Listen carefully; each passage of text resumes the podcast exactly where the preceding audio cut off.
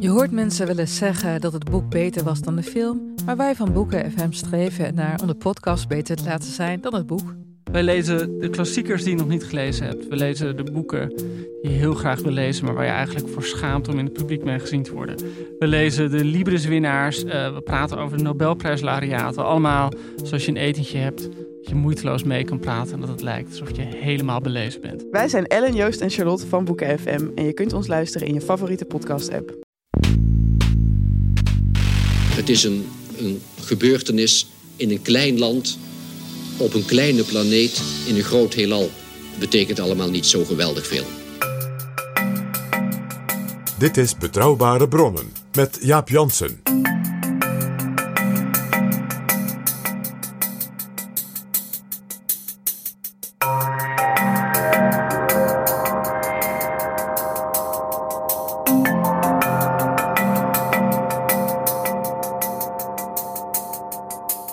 Hallo, welkom in Betrouwbare Bronnen, aflevering 164.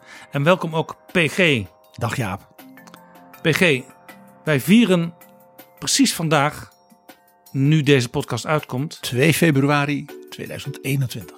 het feit dat op 2 februari 1931 te Geldrop geboren is Andreas Antonius Maria van Acht. Dries van Acht, premier van drie kabinetten. Een minister in zes kabinetten. En een man met een in Nederland bijna zelden waargenomen bijzondere internationale loopbaan. Na zijn premierschap.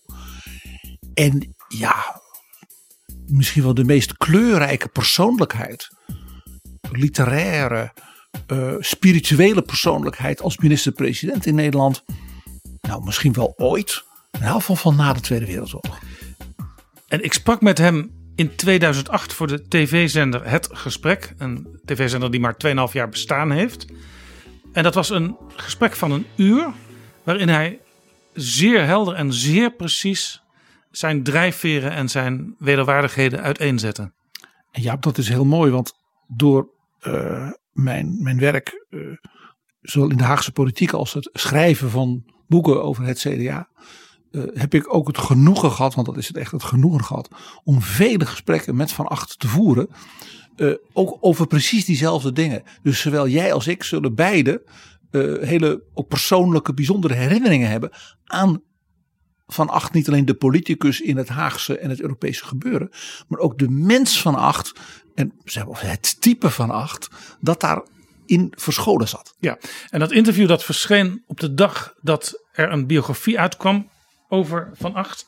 Geschreven door drie biografen maar liefst. Johan van Merrienboer, Peter Bootsma en Peter van Griensven. Uitgegeven door Boomuitgevers. En Jaap, heb ik het goed als die Peter Bootsma bezig is aan een biografie, dus een vervolg van Jan de Koning? Ja, dat klopt. Daar is hij eh, mee bezig. Dus dat gaat over enkele jaren verschijnen, als het goed is. En ik denk dat wij nu al voor onze luisteraars min of meer kunnen beloven dat aan dat boek zeker aandacht zal worden besteed.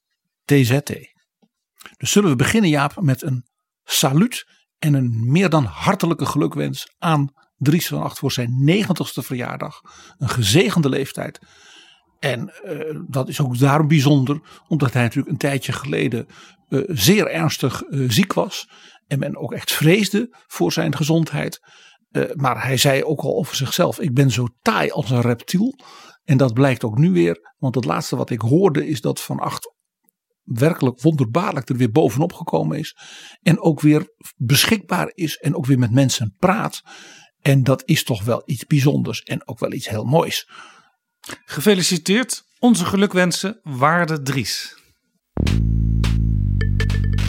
Jaap Jansen en Pieter Gerrit Kroeger duiken in de politieke geschiedenis. PG, wij kijken naar Dries van Acht in drie dimensies. Natuurlijk naar de politicus van Acht. Ja, en de politicus van Acht is een man eh, die actief was, zeer actief, eh, in zeer turbulente tijden. Die je eigenlijk, bij wijze van spreken, nu heel erg zou herkennen. Jaren van heftige maatschappelijke en politieke polarisatie in Nederland en in heel Europa ook. Tijden van grote economische onzekerheden. eh, ook een echt een nieuw tijdperk met heel veel ja, eh, schrik van werkloosheid, inflatie en andere economische ellende. En van grote spanningen op het wereldtoneel. Ja, en in Nederland, eh, ook niet te vergeten, de gijzelingen. In de jaren zeventig. Onderdeel dus van die turbulenties, die spanningen en die polarisatie. Ja, politicus is één dimensie. De andere is eh, wat jij noemt de paradijsvogel in de Haagse jungle. Mooi omschreven, PG. En de derde dimensie is Dries van Acht, de wereldburger. Laten we meteen gaan kijken naar de politicus. Ja, ik zei het net al. eh, van Acht was natuurlijk zeer prominent eh, in een zeer turbulente fase. En een voorbeeld van hoe turbulent dat was. Hij heeft in elf jaar ononderbroken in een kabinet gezeten. Op verschillende plekken, en rollen. En dat waren zes kabinetten in elf jaar. Ja, Biesheuvel 1 en 2, dat waren korte kabinetten. Toen het kabinet en Uil, wat 4,5 jaar zat. Eh, van 8 1 met Hans Wiegel. Van 8 2 met Joop den Uyl en Jan Terlouw als vicepremiers. En van 8 3 met Jan Terlouw als vicepremier. Dus je ziet kabinetten van zeer verschillende samenstelling. Waarbij zelfs de, wat we nu zouden zeggen, het CDA. eh, niet in elk van die kabinetten als, als geheel zat. Want bij het kabinet Den Uil zat een deel van het CDA. Wat in, toen in wording was erin. En een deel zat in de oppositie. Dus je ziet ook hierin die turbulentie en ook die polarisatie. Ja, dit gaat over de periode 1971-1982. Dat ontspant dus eigenlijk, zou je kunnen zeggen, de hele jaren 70. Ja, dus de periode, als je het heel bruut in één keer zou zeggen, tussen de, de, de effecten, de impacts van mei 68 tot de momenten van de, groot, de grote klappen wereldwijd, eh, zeg maar na de Iraanse revolutie, de grote eh, ja, economische toestand ook door de oliecrisis en natuurlijk de grote spanningen, de nieuwe Koude Oorlog, eh, die wij kennen als de dreiging van de SS-20, de kruisraketten, het aantreden van president Reagan. Wat voor type politicus was Van Acht? Dus hij was eigenzinnig. Hij was ook eigenlijk in al die fasen altijd een beetje een tegendraadse figuur. Juist misschien wel niet wat je zou verwachten vanuit zijn achtergrond. Hè, van het midden, het katholieke midden, eh, de wetenschap. Dus een man van, ik zou maar zeggen, polderend bemiddelend. Hij was zelfs een beetje tegendraads. En Hij was ook ongrijpbaar, hè? want hij werd eh, bij zijn komst in de Haagse politiek werd hij als progressief katholiek politicus bestempeld. Maar door zijn tegenstanders werd hij later ook wel als conservatief afgedaan. als reactionair. Als iemand die de jaren 50 die de zedenprekerij, de, de katjes in het donker knijpen wou terugbrengen. En het interessante is dat Van Acht zelf eigenlijk in al die beelden over hem zichzelf eigenlijk zelden herkende. Eh, jij zult dat in gesprekken hebben meegemaakt met hem. Eh, dat geldt voor mij zeker ook. Kijk, toen hij binnenkwam, eh, dus in dat kabinet Biesheuvel, was hij een soort eh, verpersoonlijking van de behoefte van zijn partij, de Katholieke Volkspartij, om een beetje uit de, mag ik zeggen, oude hap van de jaren 50, eh, die nog doorklonk in de jaren 60, van de wederopbouw, de verzuiling, ook de, zeg maar de, de, de geslotenheid van de katholieke wereld, om daaruit te komen. Ja, had natuurlijk ook mee te maken dat de katholieke partij die liep terug in kiezersaanhang. Dus ze moesten zich ook wel op een bepaalde manier moderniseren om nog de anklang met de tijd te houden. Dat was althans de analyse die men maakte. Je kunt ook achteraf zeggen, hadden ze, was dat misschien wel de juiste analyse. Maar in elk geval was het zo dat dus met het Vaticaans concilie, Paus Johannes de 23e, ook die katholieke wereld, ook de kerk, het kerkelijk leven zich opende. Eh, ja, een van de grote inspiratoren en ook raadslieden van Van Acht was natuurlijk de voorzitter van het pastoraal concilie. De man die dus als, niet als eh, geestelijk, maar als leek als we de discussie in de katholieke kerk met de bisschop en de leken organiseerden, dat was professor Piet Steenkamp. De erevoorzitter, oprichter van het CDA. Dus je ziet hierin ook die opening, ook dus naar niet-katholieken, protestanten in de politiek. En daar hoorde Van Acht heel nadrukkelijk bij. Die zat in die voorhoede. En dat zat hij dus ook onder de, zeg maar, de jonge hoogleraren, zoals hij zelf was in Nijmegen, in de rechtswetenschap. Hij was iemand die zei: je moet het rechtsbestel aanpassen aan de nieuwste ontwikkelingen in de samenleving. De positie van de vrouw. Het feit dat werknemers uh, ja, niet alleen maar arbeiders met een pet op en uh, die dus dan uh, hun mond moeten houden. Nee, je moet naar, naar medezeggenschap, studentenmedezeggenschap. Dus bij al die dingen hoorde Van Acht dus bij de voorhoede. En hij werd dus wel spottend, ook vooral door zichzelf spottend. Wel een jonge god van de Korenhertliga genoemd. Ja, hij, hij was dus hij was jong in die tijd. Zeker. En dat had er ook mee te maken dat um, de rechtenopleiding in Nijmegen, die was ook nog relatief klein en nieuw. Ze moesten dus de, de concurrentie aangaan met bijvoorbeeld Leiden. En de uh, VU? En dat, dat kwam eigenlijk ook al naar voren in dat verhaal uh, enkele afleveringen geleden met Hubert Smeets over Hans van Mierlo. Uh, Nijmegen had heel erg de ambitie om van zich te laten horen. Om te laten zien dat de katholieke wereld op allerlei terreinen wilde meedenken over de toekomst van Nederland. Dat type universiteit, of het nou Tilburg is, de VU onder Abraham Kuyper, we hebben het er met Johan Snel indringend over gehad. Maar ook Nijmegen waren dus emancipatiebewegingen, waren rebels tegen de liberale heren, uh, laat ik zeggen, de Amsterdamse arrogantie, de Leidse arrogantie en dergelijke. Ze waren in de provincie, ze waren niet van de Randstad. Hè, en ze waren dus, wij gaan ons bewijzen. Dus we gaan met gedurfde dingen, met jonge hoogleraren hè, als Van Acht.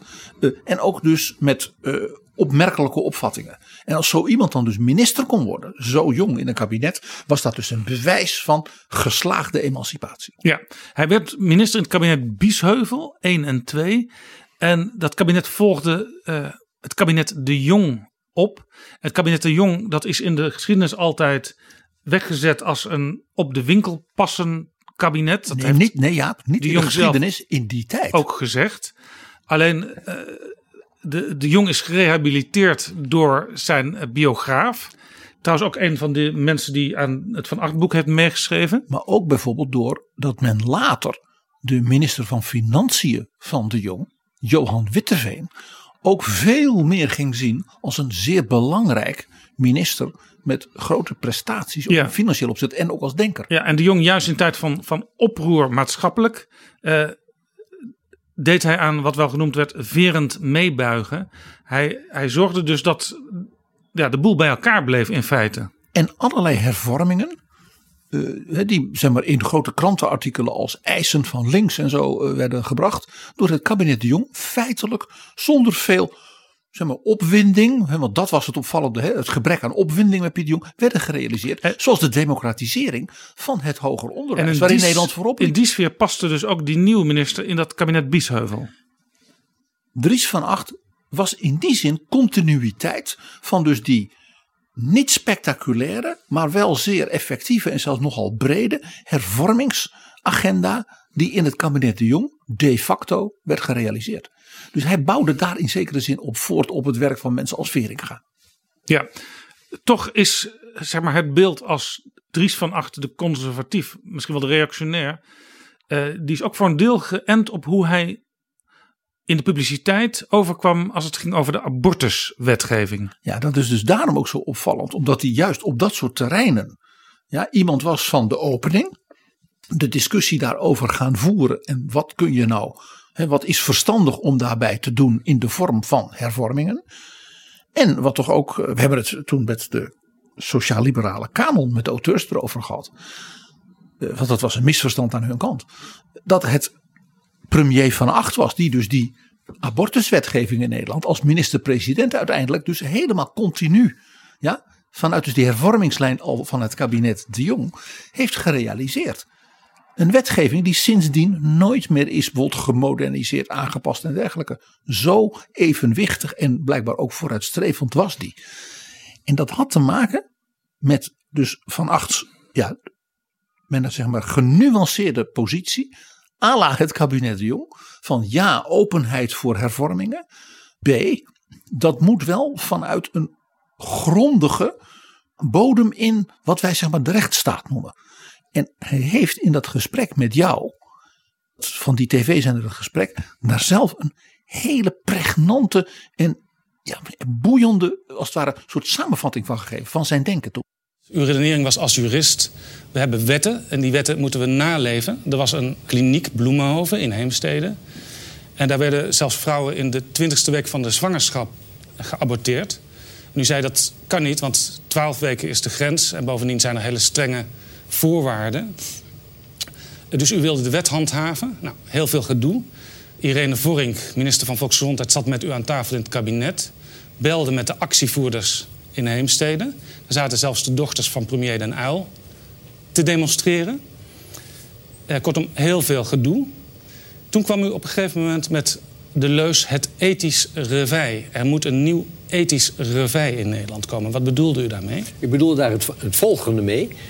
Um, er is, um, vond ik, en vind ik eigenlijk nog... een teleurgang van een, van een aantal belangrijke waarden... en daaruit voortvloeiende normen...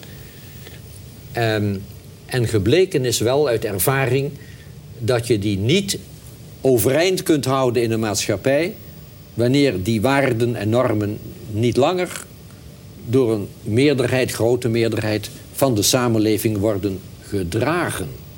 Dat deed zich in de abortuszaak voor. De, daar in die wet die toen nog gold, was abortus altijd verboden. Vanaf de eerste dag van de zwangerschap. Maar dan zou je zeggen, dan moet de wet juist versoepeld worden. Nou, ja, nou ja.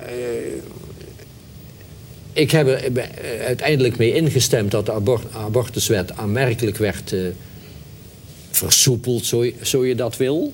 Maar u stond op dat meer moment, mogelijkheden kwamen. U stond op dat moment te boek als de grote uh, boeman van ja, toen, de vrouwenbeweging. Ja, zoals u zei zelf al, ik was minister van Justitie. En daar lag een wet, die, hè, die was er toen nog. Abortus is een misdrijf in alle fasen van de zwangerschap. En ik kon het als minister van Justitie onmogelijk uitleggen, ook niet aan mezelf, dat we die wet zomaar massaal overal in het land zouden laten schenden, alsof die niet bestond. Op een gegeven moment heb ik gezegd: Weet je wat we doen? Uh, de vroege abortussen laten we daar maar ongemoeid. Maar er moet toch wel ergens een grens worden getrokken. Nou, waar trek je die grens? Het is altijd iets willekeurigs aan, maar laten we zeggen twaalf weken. Want daarna zijn andere, veel ingrijpender technieken nodig om de zwangerschap te beëindigen. En dat was, Bloemenhof was de eerste die dat deed, de vergevorderde zwangerschappen stuk maken. Ja. Daar trok ik mijn lijn, daar wilde ik ingrijpen. Dat is mislukt. Achteraf zeg ik, zei ik toen en nu, het blijkt dat normen die in de samenleving niet meer leven, die niet meer worden ondersteund, ook niet door de meerderheid van de artsen in dat geval, die zijn niet te handhaven. Ethisch revij is nodig om die normen opnieuw te doen leven in de harten en overtuigingen van de mensen. Dus het moet uit de mensen zelf Juist. komen. Dat is de wetgever die kan essentie dat niet van het doen. ethisch revij. Een herleving van normbesef bij de burgers zelf. Dat was Dries van Acht. Hij was dus bezig met uh, vernieuwing van de wetgeving. Het was de katholiek van Acht die zei: Je kunt de werkelijkheid in de samenleving soms niet dwingen. als wetten niet meer gedragen worden in, hè, zoals hij heel balkenendiaan zegt, door de waarden en normen van de samenleving. Dus dan ga je als minister kijken: wat kan ik aanpassen dat het wel weer gedragen wordt. En in zo'n situatie kunnen er dus zich radicaliseringen voordoen. En er was dus een kliniek die zo vergaande zeg maar, abortuspraktijk wilde hebben. Dat Van Acht zei, ja, dat, dan worden, dat gaat als het ware voorbij een misschien zelfs medisch verantwoordelijke grens. Die dus niet in de wet lag, want die hele manier van denken over een zekere begrenzing was onderdeel van de discussie die nog niet afgerond was. Ja, want het, het, het, het oorspronkelijke idee over abortus was eigenlijk dat het, dat het sowieso eigenlijk geen plaats in de wet mocht krijgen, omdat het, ja, het was in strijd met het idee van het menselijk leven. De beschermwaardigheid, beschermwaardigheid van het menselijk leven was een absolute norm, waarbij overigens ook altijd in bijvoorbeeld dramatische situaties van incest en verkrachting ook toen altijd wel degelijk uh, door artsen natuurlijk wel werd ingegrepen. Ja, ja. Het waar, waar, waar, waar zeg maar, een juridische repressie tegen was, was het een commerciële praktijk. Ja. Om het maar even zo Ja, te zeggen. nee, ik, moet, ik moet ook toegeven, in de biografie over Van Acht lees ik over eh, wat hij van plan was met, met modernere wetgeving. En dat was een totaal ander beeld dan mij bijstond, zeg maar, als, uh, als jongere die, die de krant las en de radio en televisie volgde in die tijd. Zo zie je maar. Uh, dat gedogen, uh, dat was dus niet alleen in zeg maar, dat soort vragen van leven en dood een feitelijke realiteit. er is natuurlijk nog een gedoogsituatie waar Nederland en de hele wereld beroemd om is. En dat is het gevolg van het beleid van minister van Acht van Justitie. En dat is uh, ons softdrugsbeleid. Wat tot op de dag van vandaag in al zijn paradoxen nog steeds stand houdt. En dat door sommigen als een soort bijna UNESCO werelderfgoed van de Nederlandse samenleving wordt verdedigd.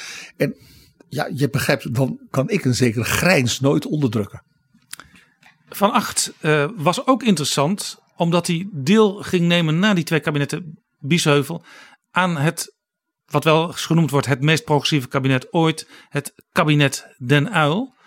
En uh, de formateur, Jaap Burger, die probeerde allerlei mensen uit de christendemocratische kring individueel uh, ja, eigenlijk dat kabinet in te loodsen om hun partijen voor een uh, voldongen feit te plaatsen. Dus buiten de partijbesturen en de fracties in de Kamer om, benaderde deze oude rot uit de PvdA dus individuele uh, topmensen uit zeg maar, confessioneel Nederland, gereformeerd ARP, katholiek KVP, van zou jij op persoonlijke titel in dat kabinet willen, vanuit het idee, die partijen durven die mensen dan niet als het ware bij het eerste de beste debat met een motie van afkeuring naar huis te sturen. En Dries van Acht werd ook op die manier benaderd. En Dries van Acht werd zo benaderd. Dat geeft dus aan dat in men in progressieve linkse kring in Van Acht dus uh, nadrukkelijk een sympathisant zag.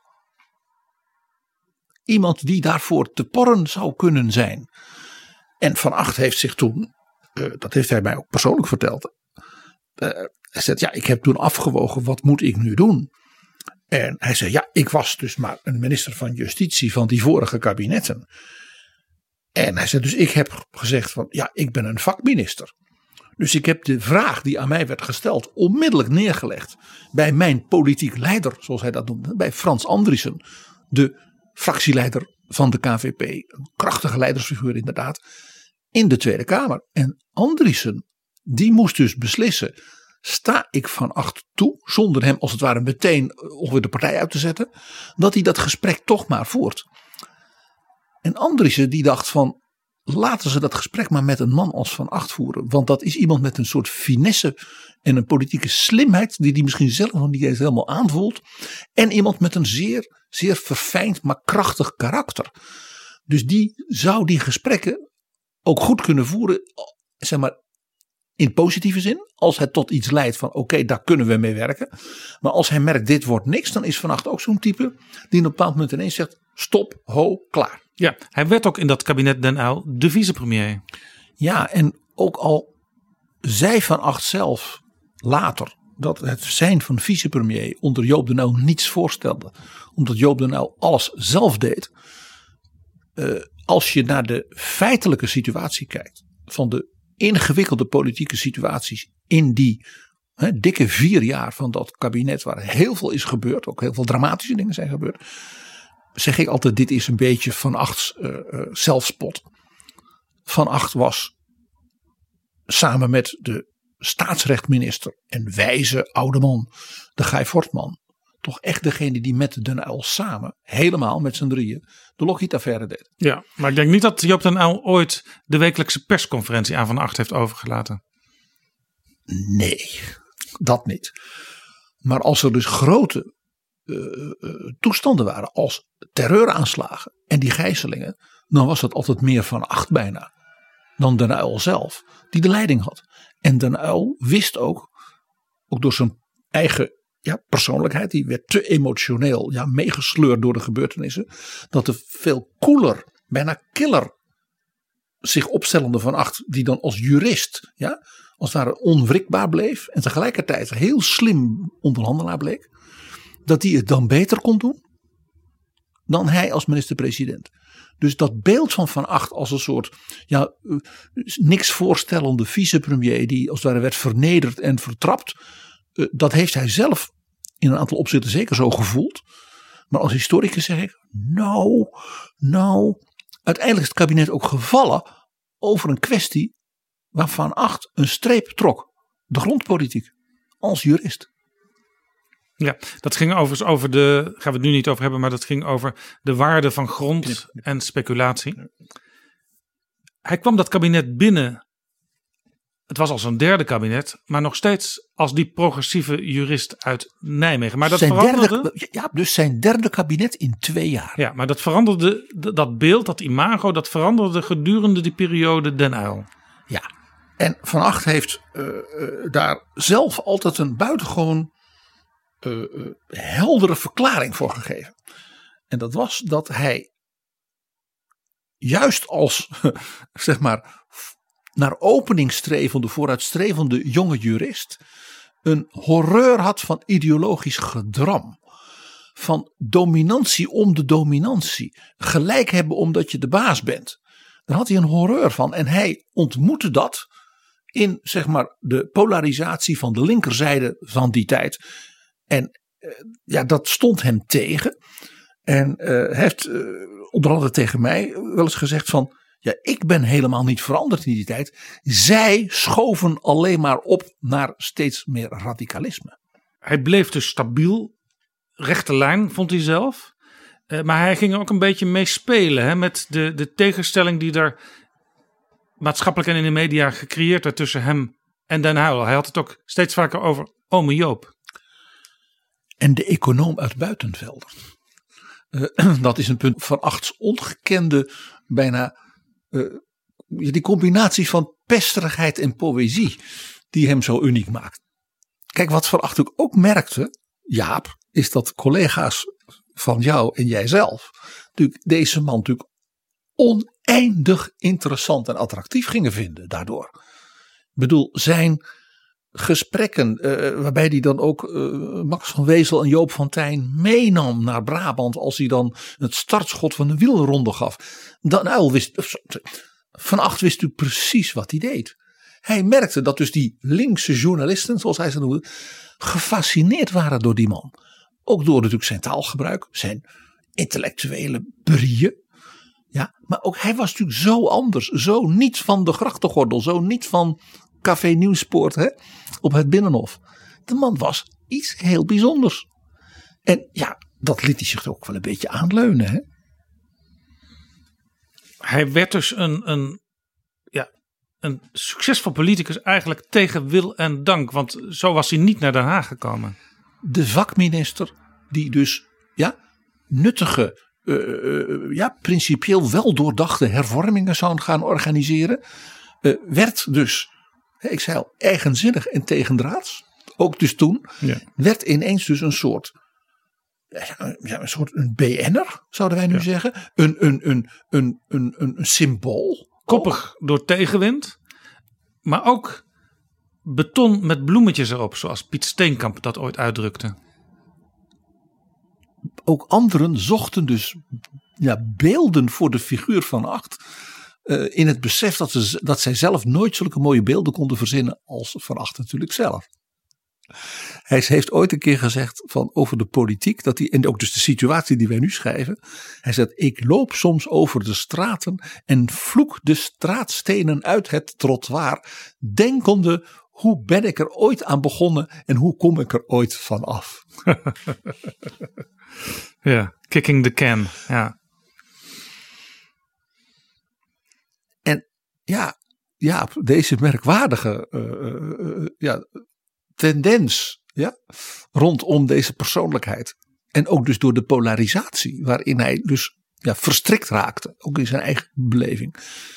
Leidt dus tot de meest onwaarschijnlijke politieke promotie die we in Nederland in decennia hadden meegemaakt. Ja, het CDA zocht een leider. Het CDA was natuurlijk een partij die in oprichting was fuserend uit drie hele verschillende partijen. En tradities en geloof en historie. En er was, en het was een, probleem. federatie. Het was nog niet ja, eens En er was een probleem, want die hadden natuurlijk allemaal een leider. Ja, en wie moest dan die partij bij die eerste gezamenlijke verkiezingen gaan aanvoeren? Als ik je een idee geef, Jaap.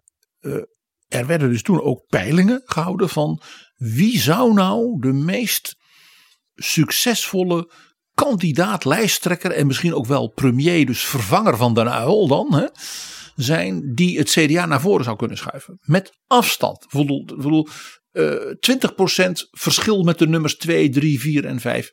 Barend Biesheuvel. Dus de antirevolutionaire premier van voor Den Uyl. In een tijd waarin dus de peilingen alles beheersen hè, en wat het volk wil en zo, zou men gezet hebben. Barend Biesheuvel, lijsttrekker van het CDA. Wat was de rol van Biesheuvel in die jaren? Biesheuvel werd beschouwd als een soort president in ballingschap.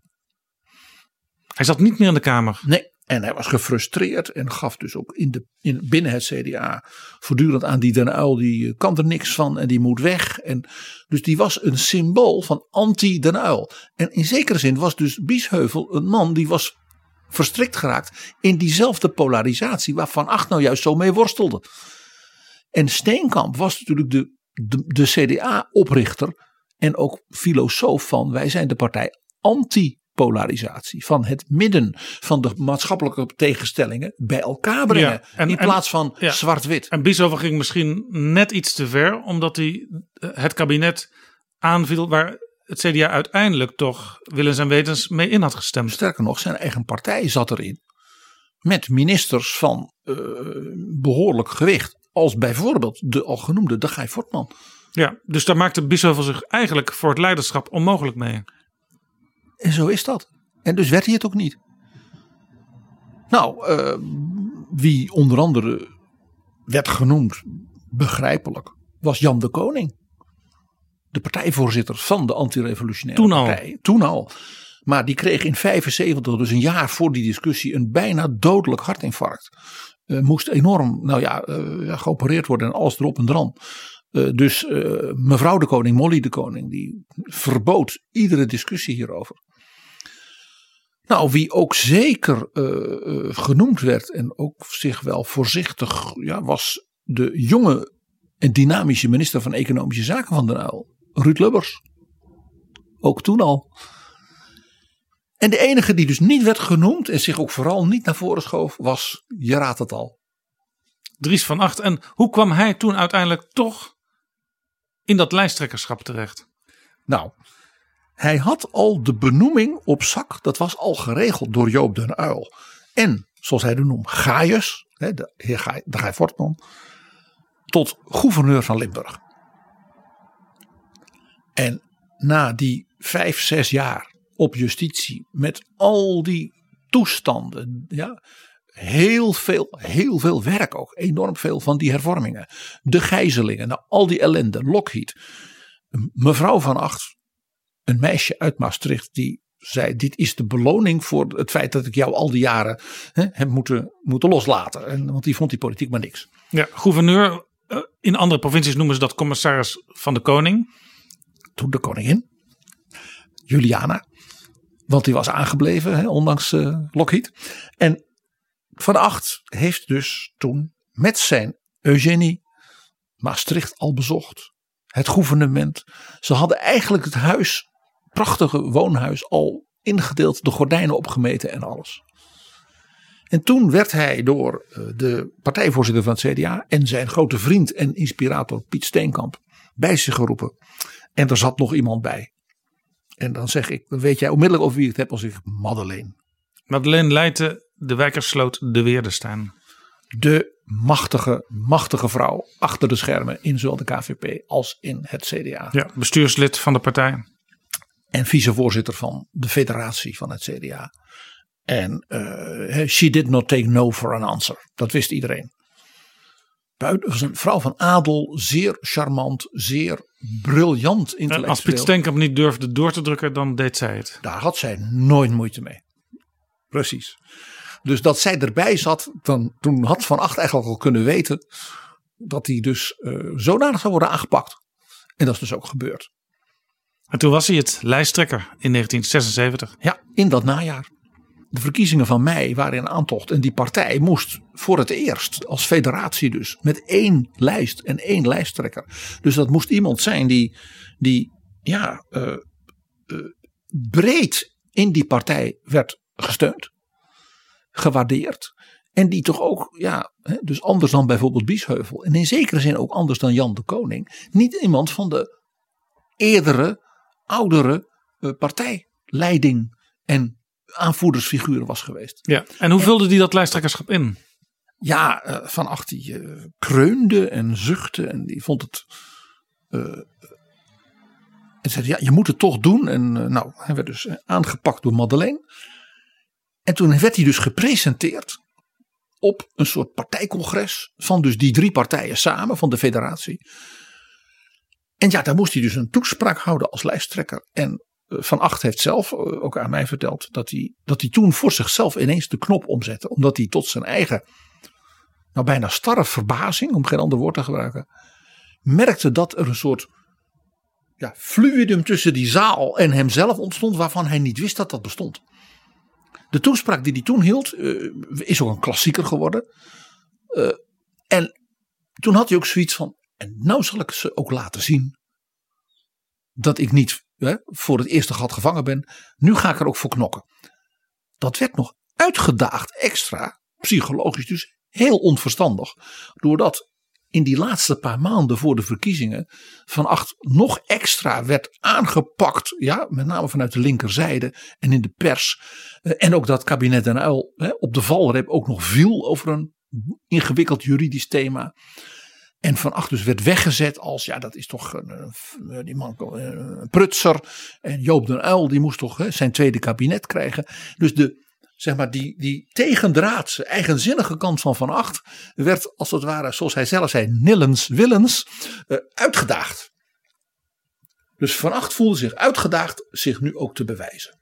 Ja, ik herinner me een, een VPRO-beeld dat ehm, Willem Aantjes, die toen de fractieleider in de Tweede Kamer van de ARP was, en ook daarna een tijdje van het CDA, toen Van Acht premier werd, die stond een toespraak te houden in zo'n hele grote conferentiezaal. En Van Acht kwam via de achterkant binnen en die werd natuurlijk opgemerkt en dat, dat werd een staande ovatie. En ja, Aantjes die kon eigenlijk niet anders dan gaan zitten. Zijn toespraak was ten einde zonder dat hij hem eigenlijk had beëindigd. Ik, ik vrees dat ik daar als heel jong CDA-activist bij ben geweest. Dat ik me dat kan herinneren, Jaap. En inderdaad, dat gebeurde. En dat gebeurde niet één keer. Van Acht had een, ja, een soort populariteit.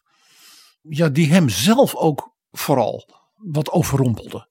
Dat was dus volkomen niet gepland. Ik zeg maar ook eigenlijk door Steenkamp en Madeleine Leijten ook helemaal niet voorzien. Van Acht was dus vooral een beetje het compromis van omdat al die andere mensen niet konden. eh, of niet, eh, niet de juiste persoon leken. En hij dus als ware een soort ja, tussenpausachtige figuur was. En vanaf het moment dat hij dat dus deed, wij buigen niet naar links en wij buigen niet naar rechts. Vanaf dat moment ontstond er dus tussen hem en ja, zeg maar die CDA-achterban, die CDA-activisten, eh, wat niemand had voorzien. Ja, je citeert hem, wij buigen niet naar links en wij buigen niet naar rechts. Ze kwamen natuurlijk uit een eh, ja, wat linkser kabinet met Den Uyl. Ze gingen uiteindelijk met Hans Wiegel, de VVD, regeren. Maar die, En dit- domi- maar die dominantie, dat gedram, daar was dit, deze fameuze uitspraak dus tegen. Ja, en dit was wel precies ook het beeld waar Hans van Mierlo, ik heb dat uitgebreid gesproken met Hubert Smeets, eigenlijk zijn hele politieke leven eh, van af wilde. Hè? Van dat CDA in het midden dat altijd de finale keuze maakte, of met de Partij van de Arbeid of met de VVD. En het interessante was dat het van Mierlo was, zo bleek uit dit gesprek, die zich door dat gedram van de Partij van de Arbeid zich in feite liet eh, manipuleren, voortdurend. Wat Van Acht dus juist niet deed. Dus het grappige is dat de, de figuur van Acht in zekere zin een betere Hafmo was dan Hafmo zelf. Dit is Betrouwbare Bronnen. Van Acht werd minister-president in 1977. Wat was zijn beleidslijn? Ja, de beleidslijn van Van Acht, als je dus ook weer met enige distantie daarnaar kijkt. Hè? En niet dus de, mag ik het zeggen, wat zwart-wit beeldvorming van die tijd, die ook nog van, van heel lang naeilde.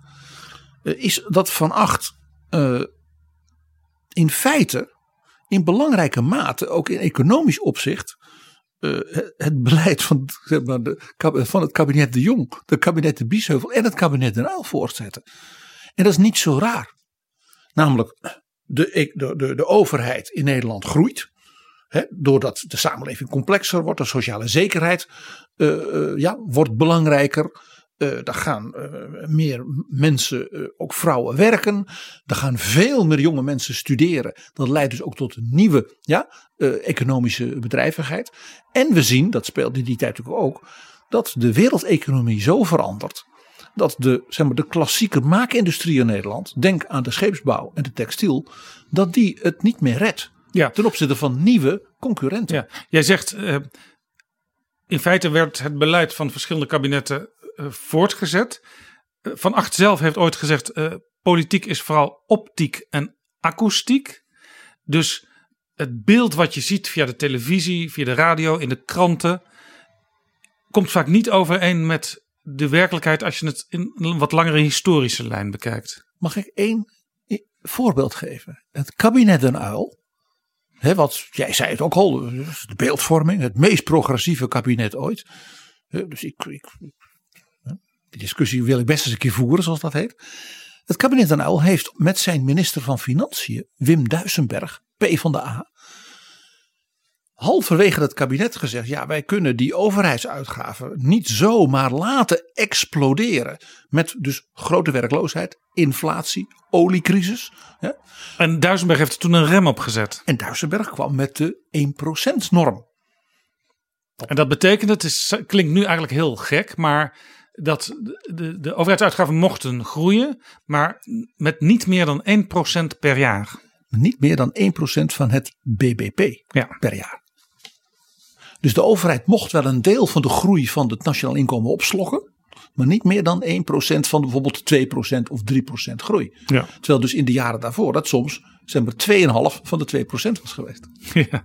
Ja. Nou, dat betekende dus een enorme rem op de lange termijn planning van de overheidsuitgaven. Er zijn ook weinig kabinetten waar zo enorm tegen gedemonstreerd en gestaakt is door de vakbonden. Denk eens aan namen als Arie Groeneveld Wim Kok als dat kabinet de Ruil. Ja. Nou, het kabinet van Acht ging toen het zogenaamde bestek 81 doen. Met minister Frans Andriessen, de naam viel al, een zeer krachtige politieke persoonlijkheid, op financiën. En die heeft in feite dus die 1% norm van Duisenberg voortgezet. Want dat bestek 81, dat dus als het ware keek vier jaar vooruit. Die zei nou, als je nou kijkt naar wat Duisenberg had gepland dan zouden de overheidsuitgaven stijgen van wat was het 110 miljard naar 130 miljard. Als het als er zomaar door zou gaan. En Andriessen zei als we er nou zo zeg maar, inperken dat die stijging van 110 naar 120 miljard is. Dan hebben we dus een ombuiging, niet een bezuiniging, er werd niet gesneden, maar minder uitgegeven dan Minder verwacht. meer leren wij op Minder school. meer, juist, van 10 miljard. Dat werd dus gepercipieerd en zeker ook vanuit de linkerzijde en in de media als een, nou ja, hardvochtig, asociaal. Ja, nu glimlach je er een beetje om. De overheidsuitgaven mochten dus nog met ongeveer 10% stijgen. En dat was dus in feite een lijn die al was begonnen onder Witteveen van de Jong. Ja. En in de jaren daarna. Witteveen VVD. Ja. En dan denk je, hoe kwam dat? Nou, dat kwam omdat er iemand achter zat. Dat was zeg maar de grote strateeg van de Nederlandse financiën en de economie. En dat was Jelle Zijlstra. De premier en daarna de directeur van de Nederlandse Bank. En zelfs de voorzitter van alle bankiers in Europa en later zelfs van de wereld, zogenaamde Baselgroep. En Jelle Zijlstra werd door Van Acht Paus Jelle genoemd. Want Van Acht zei: Ik ben een jurist, ik weet niet veel van de economie. Deze man weet dat wel. En hij luisterde dus als, nou ja, als een leerling naar Jelle Zijlstra. Wat Jelle zei, dat was sacrosanct. Absoluut. En dat Jelle Zijlstra dus zeer kritisch was op bijvoorbeeld de econoom uit Buitenveldert. Uh, was dan voor Van Acht reden om te zeggen: dan ga ik daar tegenin. En dat is de reden waarom Van Acht na zijn kabinet met de VVD in de situatie kwam dat hij een kabinet moest sluiten met D66 en de Partij van de Arbeid. Ja, de verhoudingen waren zo in de Tweede Kamer dat het niet anders kon voor Van Acht. Dat was dus in 1981. Een kabinet waar wij het al vaker over hebben gehad. Onder andere in de terugblik op het leven en werk van Jos van Kemenade. Ja. Die daar minister in was. Een heel belangrijk kabinet, hoewel het maar een half jaar zat. Acht maanden.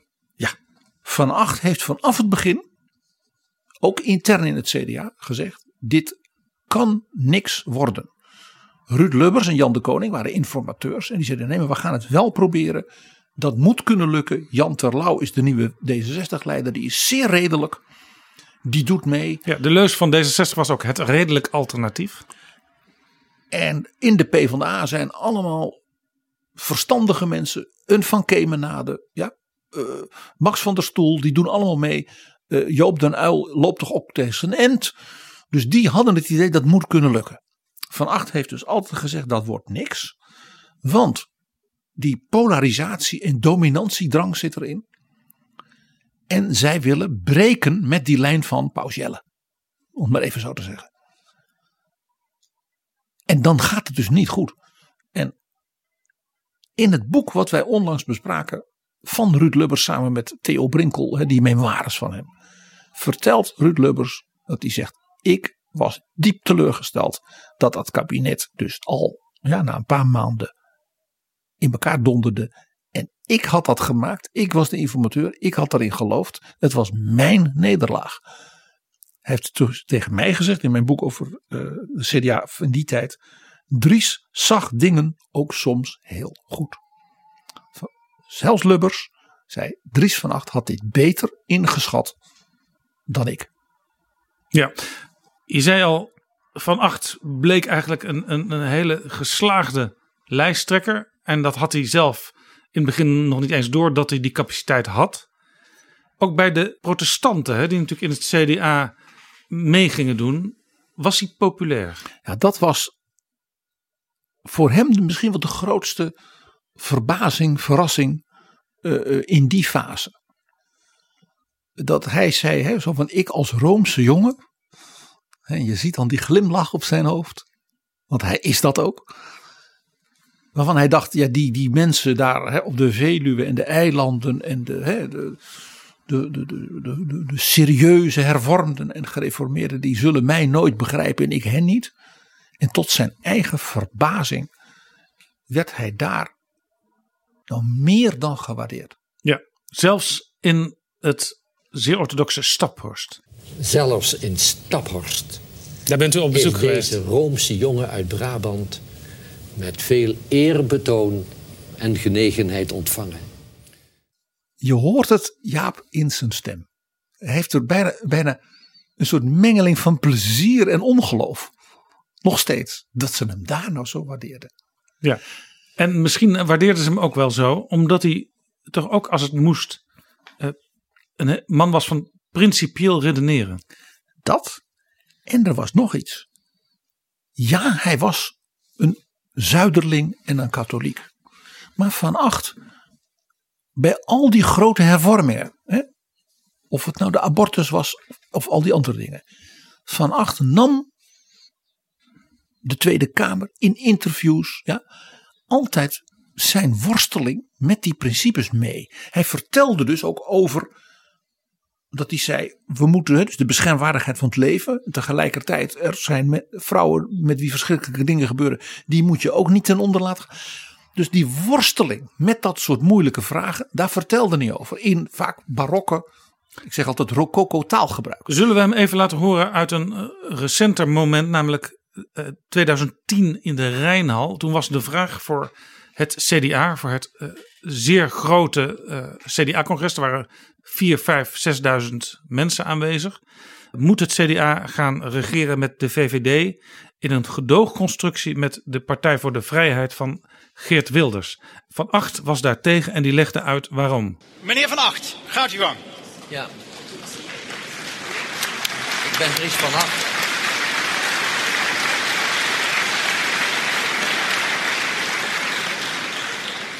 Dries van Acht ben ik uit de Heilige Landstichting. Eerste lijsttrekker van de gezamenlijk optrekkende Christendemocraten. En vervuld van de ferme wil om tot het allereinde van mijn dagen in het CDA te blijven.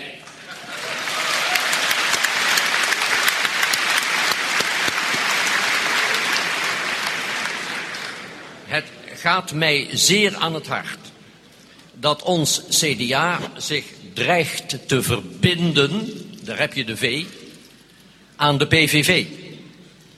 Want de heer Wilders en de zijnen doen luidop en herhaaldelijk blijken van afkeur en totale minachting van het geldende internationale recht. De Nederlandse grondwet gebiedt de Nederlandse regering het bevorderen van de internationale rechtsorde. Welnu, wij dreigen ons afhankelijk te maken van een Kamerfractie die juist het tegendeel hiervan doet. Dat is onverenigbaar met Nederlands positie als eh, rechtsstaat in volle, volle aanwezigheid en capaciteit. Ons CDA zou zichzelf verminken als het zou toetreden, dit is de laatste zin, als het zou toetreden tot een coalitie die niet kan voortbestaan zonder de pleiters van het nationale egoïsme en de slopers van de PVV. Dit mag niet gebeuren. Dank u wel. Dat was Van Acht in 2010 in de Rijnhal.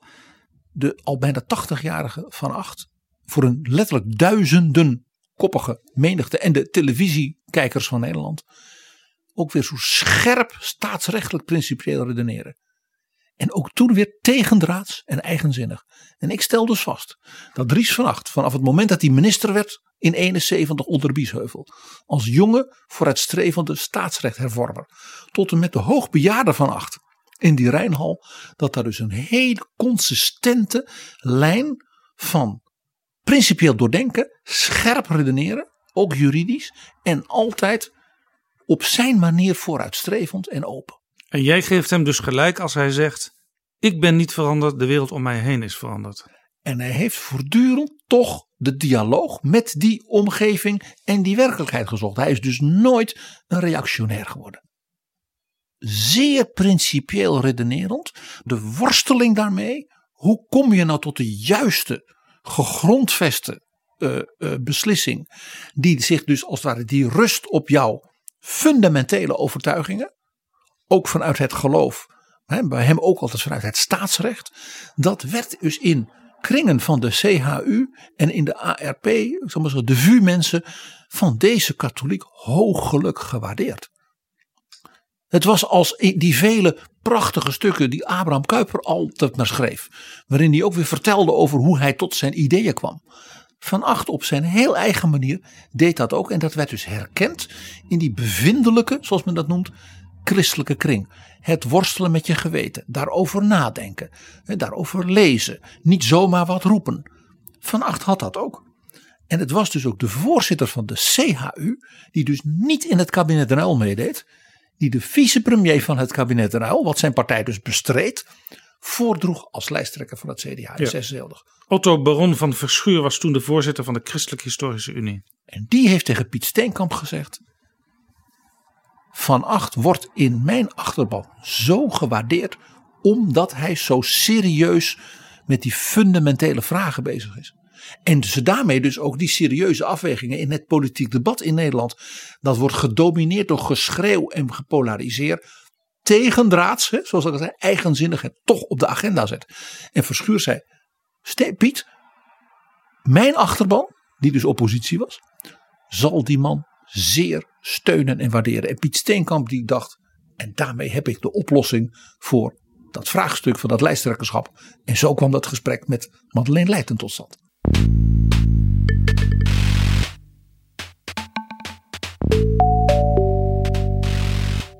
PG van Acht was dus iemand die principieel redeneerde.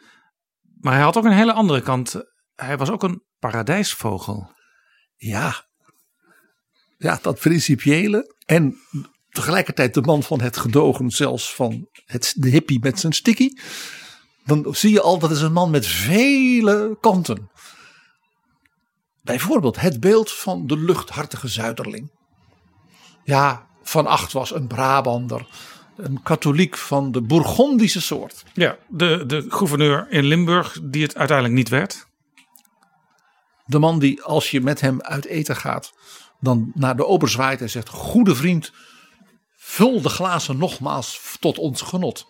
Ik heb hier een, een Haagse post uit september 1982, waarin beschreven wordt hoe Van Acht in Limburg een grote partijmanifestatie eh, komt toespreken.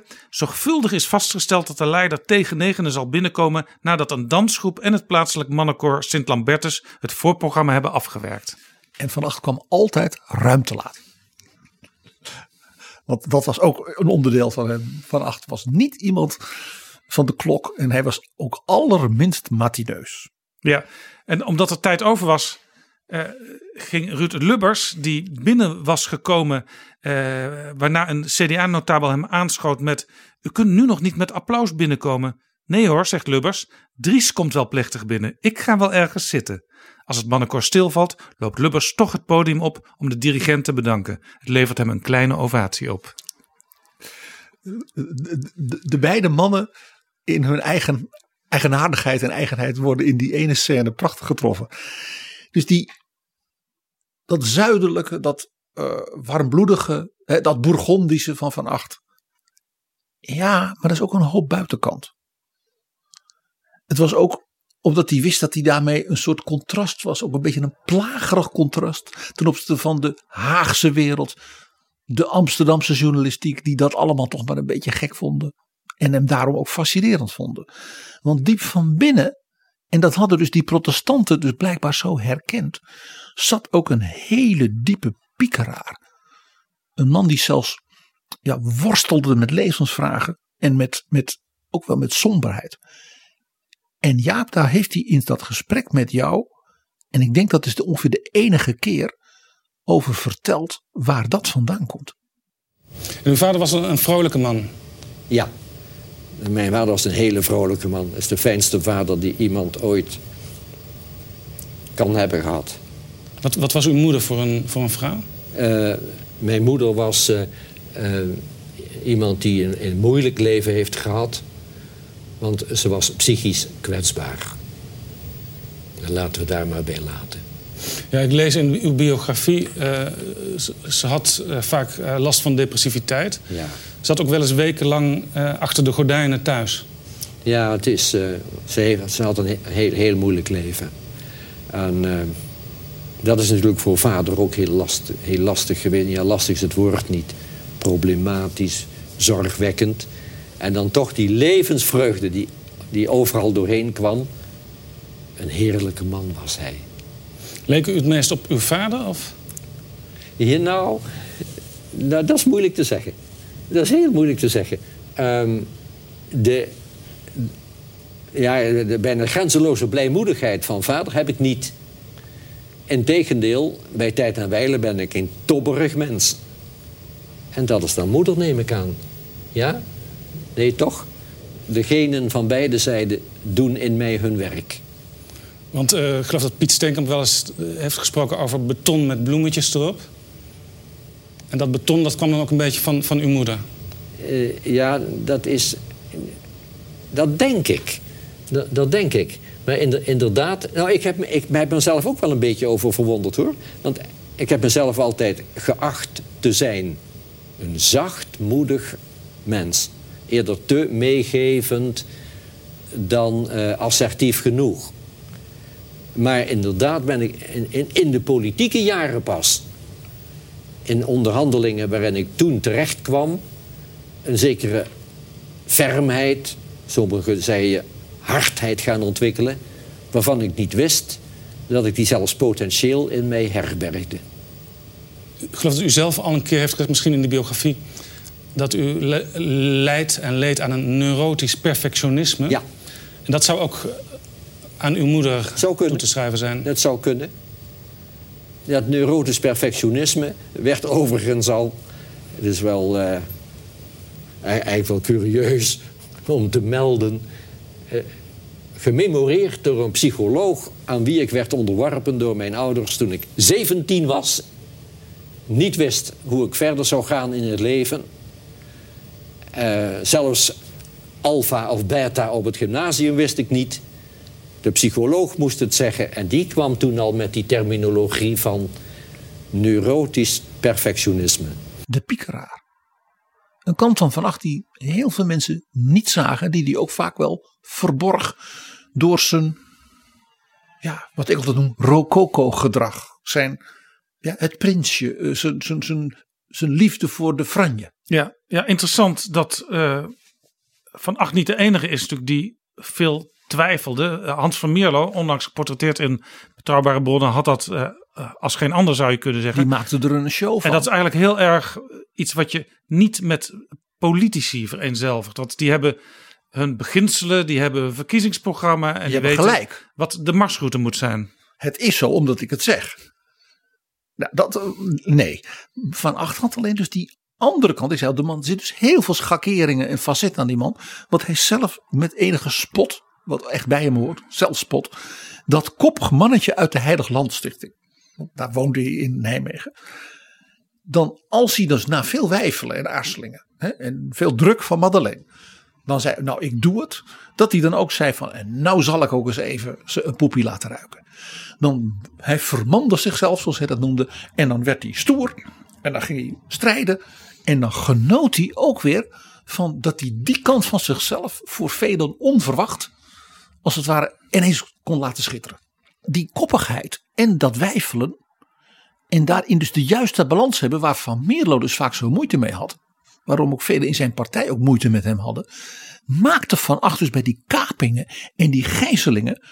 Dus ook zo, zo geschikt voor onderhandelingen in crisissituaties. Je, waarbij je dus niet kunt gaan slapen. Maar voortdurend moet, moet scherp moet afwegen. Dus en moet wijfelen van wat kan, wat kan niet. En besluitvaardig moet zijn. Maar Van Acht wekt toch ook veel irritatie op. Ook bij de mensen met wie hij direct moest samenwerken in, in kabinetten. Want zijn, zijn twijfelen, zijn piekeren en zijn relativeren betroffen ook de politiek zelf. Zeg maar wat hij dan noemde het politieke gedoe. Hij distancieerde zich dus eigenlijk een beetje van het ambacht waar mensen als, als Joop den Uil ja, al hun ziel en zaligheid in staken. En dat is precies het punt. Hij wist dat. Dus die relativering was een soort provocatie van antipolarisatie. Het, wat ik dus altijd zo'n sleutelmoment vond. Dus dat hij wordt gevraagd door Ja Burger: wil jij vicepremier worden op justitie onder Den Uil, terwijl jouw partij eigenlijk niet mee wil doen. Dus die inbraak. En wat doet hij? Hij legt het bij Frans Andriessen. Hij zag zichzelf niet als een politiek leider. Frans Andriessen. Barend Biesheuvel. Hij had van achter oprechte grote bewondering voor Joop den Uyl als in zijn leiderscapaciteiten, zijn onvermoeibare ja, strijden, dat dat zich zo ook uitte in gedram, vond hij afschuwelijk. Maar hij kon er bewondering voor opbrengen. En dat dat niet begrepen werd, heeft hem bijvoorbeeld ook he, door de familie Den Uyl, heeft, den, heeft Van Acht ook echt pijn gedaan. Dus die relativering van Van Acht, het de politiek soms een beetje bespotten, was een vorm van provoceren van dus die, dat drammen, die polarisatiekrachten. En hij wist ook wel, uit de reacties in de samenleving, dat het overgrote deel van de Nederlanders meer op zijn lijn zat dan op die van de drammers. Ja, nou kun je politiek ook zien als uh, een combinatie van het spel en de knikkers. En de ene politicus is dan meer met de knikkers bezig, de inhoud. Uh, maar Van Acht, die had veel goesting, typisch Van Acht woord, in het spel. De vorm. Wat hij zelf noemt een beetje aardigheid, een vleugje Byzantinisme. Alleen hij gebruikte dit soort woorden. Wat ik noem rococo. Hij vond warmte in de politiek belangrijk. Dat je elkaar wat gunde. En als dat dus niet kwam, nou dat was in die tijd dus volstrekt niet het geval in de sfeer.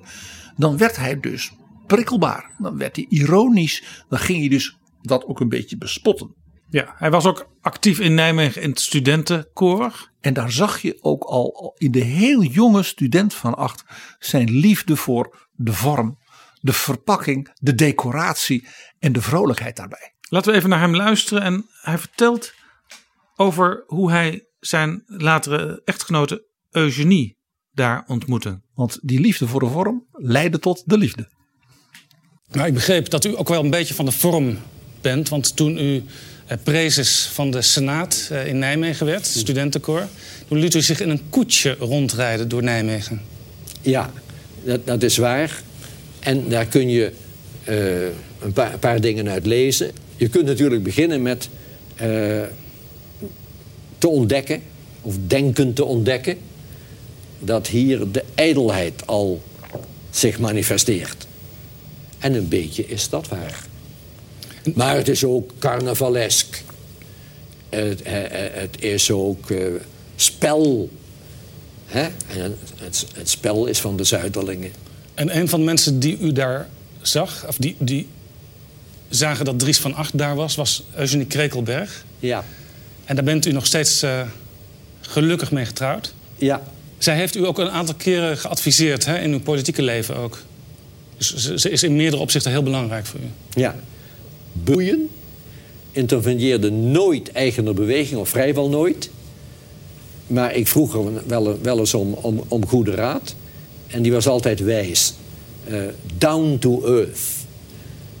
Ehm, zij, eh, nou, ze bracht me vaak terug tot de les van de harde realiteit. En ik ben ook een beetje een dromer. Iets pietsie van een poëet. En ehm, dan is het goed om zo iemand naast je te hebben. En dan zijn ze Dries even met beide benen op de grond. ja, ja, ja. Terug naar de realiteit, vriend. Waar gaat het eigenlijk over? Wat, wat iedereen ook weet van Van Acht is natuurlijk eh, hoe hij altijd weer met het wielrennen geassocieerd wilde worden. Ik heb daar een geweldig verhaal over, wat ook helemaal past in dus die liefde voor de vorm, voor de warmte en voor het daar ook mee spelen. Eh, de partijsecretaris van het CDA, en de man die ook zeg maar, de campagnes leidde, was de heer Ries Smits. En die had heel veel belevenissen met de heer Van Acht. Daar kun je je iets bij voorstellen. Ries Smits was zo'n CHU-bestuurder. Van Otto van Verschuur, eh, Wim Deetman, dat type. Goede protestant uit de Haagse wereld. En die vond Van Acht dus ja, toch een hele aparte snijboon. Zal ik maar zeggen. En die vertelde dus dat hij begreep dat als Van Acht dan naast zijn schoonouders in Limburg ging. Hè, met Eugenie. In het weekend dat hij dan natuurlijk ging fietsen. Hè, goed voor de gezondheid en de vorm. En hij had ook nog even wat anders te doen. Over de heuvels van het prachtige Zuid-Limburgse Ja. landschap. Fietsen, wielrennen is trouwens ook iets wat heel erg bij het zuiden en het katholicisme daar hoort. Wat gebeurde er dan? Van Acht liet zijn chauffeurs, die dan hem reden als premier of voor de CDA, s'avonds op café vertellen waar hij dan zou fietsen. En dan stonden de fans langs de weg. En als hij dan langskwam, dan werd er geapplaudisseerd. Of dan kon hij handjes geven als hij even stopte. Van Acht organiseerde zijn eigen vleugje Byzantinisme en warmte en aardigheid. En ook hier zeg ik, net als met dat koetsje Jaap, welke Nederlandse minister-president, ja, je, je hoort mij gelachen al, eh, die ook zat gewoon nog verteld dat hij dat deed. Het had dus ook een zekere onschuld in zijn berekening. Hij was ook een keer zoek tijdens de kabinetsformatie. En toen bleek hij ook eh, bij een wielerwedstrijd aanwezig te zijn. Ja, dat is een heel specifiek thema. Zijn vluchtgedrag. Dries van Acht heeft, en ik zal de luisteraars in kort bestek meenemen, een serie keren echt gewoon vluchtgedrag vertoond. Voor het gedoe, voor wat er op hem afkwam, voor het Haagse, voor de spanningen. Dat, dat deed hij op een hele aparte manier. Er was een Nederlandse wielrenner en die eh, kon eh, iets winnen in de Tour de France. En Van Acht die had een uitnodiging om in de, de, heet dat, de wagen van de, van de teamchef dan mee te rijden over zo'n Alpenpas. Zo'n zo'n epische klim. En ja, dat was dus op, op zondag. Dus op vrijdag de ministerraad. Op zaterdag de kabinetsformatie. En het ging helemaal niet goed. En op maandag zou hij dan bij Juliana zijn. En de kabinetsformatie lag dus stil en de spanningen begonnen op te lopen. En waar is de heer Van Acht? De heer Van Acht was nergens te vinden. Die zat bij de Tour de France. Ja, er waren toen nog geen gsm's waarmee iemand vrij snel kan opsporen. Maar ja, de sportverslaggevers die daar live uh, hè, allemaal meerijden op een motor of zoiets. Uh, die, die zagen natuurlijk de heer Van Acht in die wagen meerijden met de chef.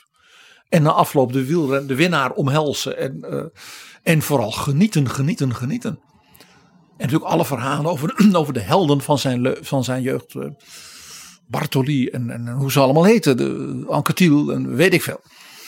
Van Acht wist daar natuurlijk alles van. Wie wat gewonnen had. En, uh, op maandag komt hij natuurlijk op de thee bij koningin Juliana. En de majesteit spreekt hem bestraffend toe. Meneer Van Acht.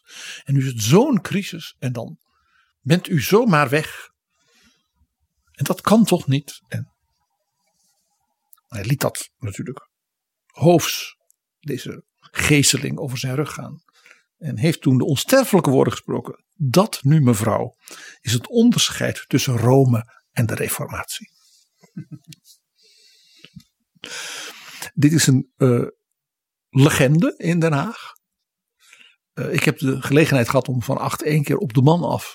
In voorbereiding van een van mijn boeken te vragen: is dat verhaal waar? Waarop hij met zijn allerzoetste glimlach zei: Ik kan natuurlijk nooit onthullen uit mijn gesprekken met de majesteit. En om vervolgens zo betekenisvol te knikken en te glimmen dat je zeker wist dat het waar was. Prachtig. Nou, vluchtgedrag. We hebben het er over. na de Tour de France. Misschien wel zijn meest opmerkelijke vluchtgedrag was natuurlijk tijdens het kabinet Den Uil. Er was een groot gedoe in de Tweede Kamer. En de minister moest onmiddellijk komen. En niemand wist waar hij was. Hij was letterlijk volkomen onbereikbaar. En niet een paar uur, dagen. Van Acht bleek op een soort pelgrimstoer te zijn. Naar hele oude kloosters uit de diepe middeleeuwen. In Roemenië. Wat toen nog deel uitmaakte van het Oostblok. Dat was toen een van de meest afgesloten, verschrikkelijke dictaturen ja, van de communistische wereld die er überhaupt was. Het regime van het, echt, het echtpaar Nicolai en Elena Ceausescu. Uh, en onderdeel natuurlijk van het proberen iets overeind te houden daarvan was natuurlijk dat in de West-Europa, in christelijk West-Europa, nou ja, werd geld gezameld om die kloosters niet ten onder te laten gaan en die monniken nog een beetje te helpen. Dus het had ook wel iets moois dat Van Acht daar op bezoek ging als vicepremier, want dat gaf dat klooster misschien dan weer nog twee jaar respijt voordat ze werden Stalinistisch weer opgeruimd. Maar ja, er was daar geen telefoon. Er was niks daar in die bossen en bergen, in de, de bergen van Roemenië. Het is een ongelooflijk mooi gebied. Dus ga er wel een keer heen. Je begrijpt hoe dat in het Den Haag van 1976 aankwam. De minister van Justitie is onvindbaar en is in een soort pelgrimstocht aan het lopen tussen kloosters in Roemenië. Typisch van achter dus af en toe eventjes onder de radar. En ook onvindbaar zijn dat was ook natuurlijk weer ook dat element van, ja, wat jij net zei. Die relativering van de politieke drukte. Ook letterlijk, hè, even wegduiken voor die drukte. Er zijn belangrijke dingen in het leven en in de wereld en in het bestaan van de mensen dan de Haagse politiek. Ja, en er werd ook soms gewoon zelfs uh, in een communiqué van de Rijksvoorlichtingsdienst gemeld dat uh, Van Acht, minister-president, last had van een lichte ongesteldheid en daarom niet aanwezig kon zijn. Ja, dat, dat kwam voor. Dan, van acht placht ook de ministerraad uh, pas na de lunch voor te zitten. Voor de lunch uh, deed de vicepremier dat, dus Hans Wiegel in zijn eerste kabinet. Ja, die ook wel eens smakelijk verteld heeft dat je dan op een gegeven moment in het oude katshuis uh, op zolder de planken hoorde kraken. En dat was blijkbaar het moment dat de minister-president aan het ontwaken was en zich richting de badkamer aan het begeven was. Dat was dan ongeveer half twaalf in de ochtend. Uh, van achter was een nachtdier. Hij noemde zichzelf niet voor niks een, zo taai als een reptiel.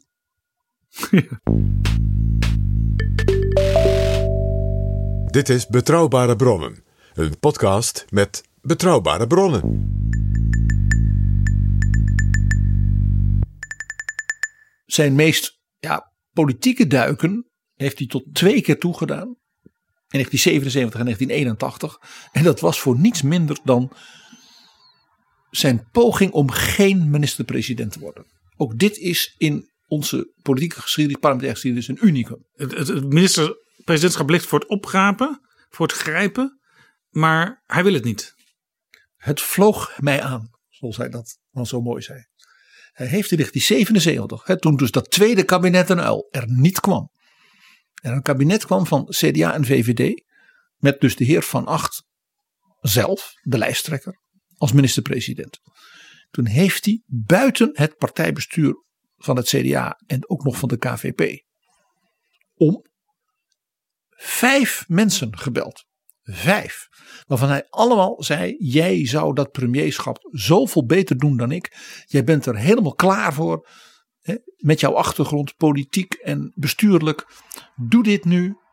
Er zat ongetwijfeld ook zijn geliefde Jelle Zijlstra bij. De allereerste die hij heeft gebeld was Paus Jelle. Met de Nederlandse bank.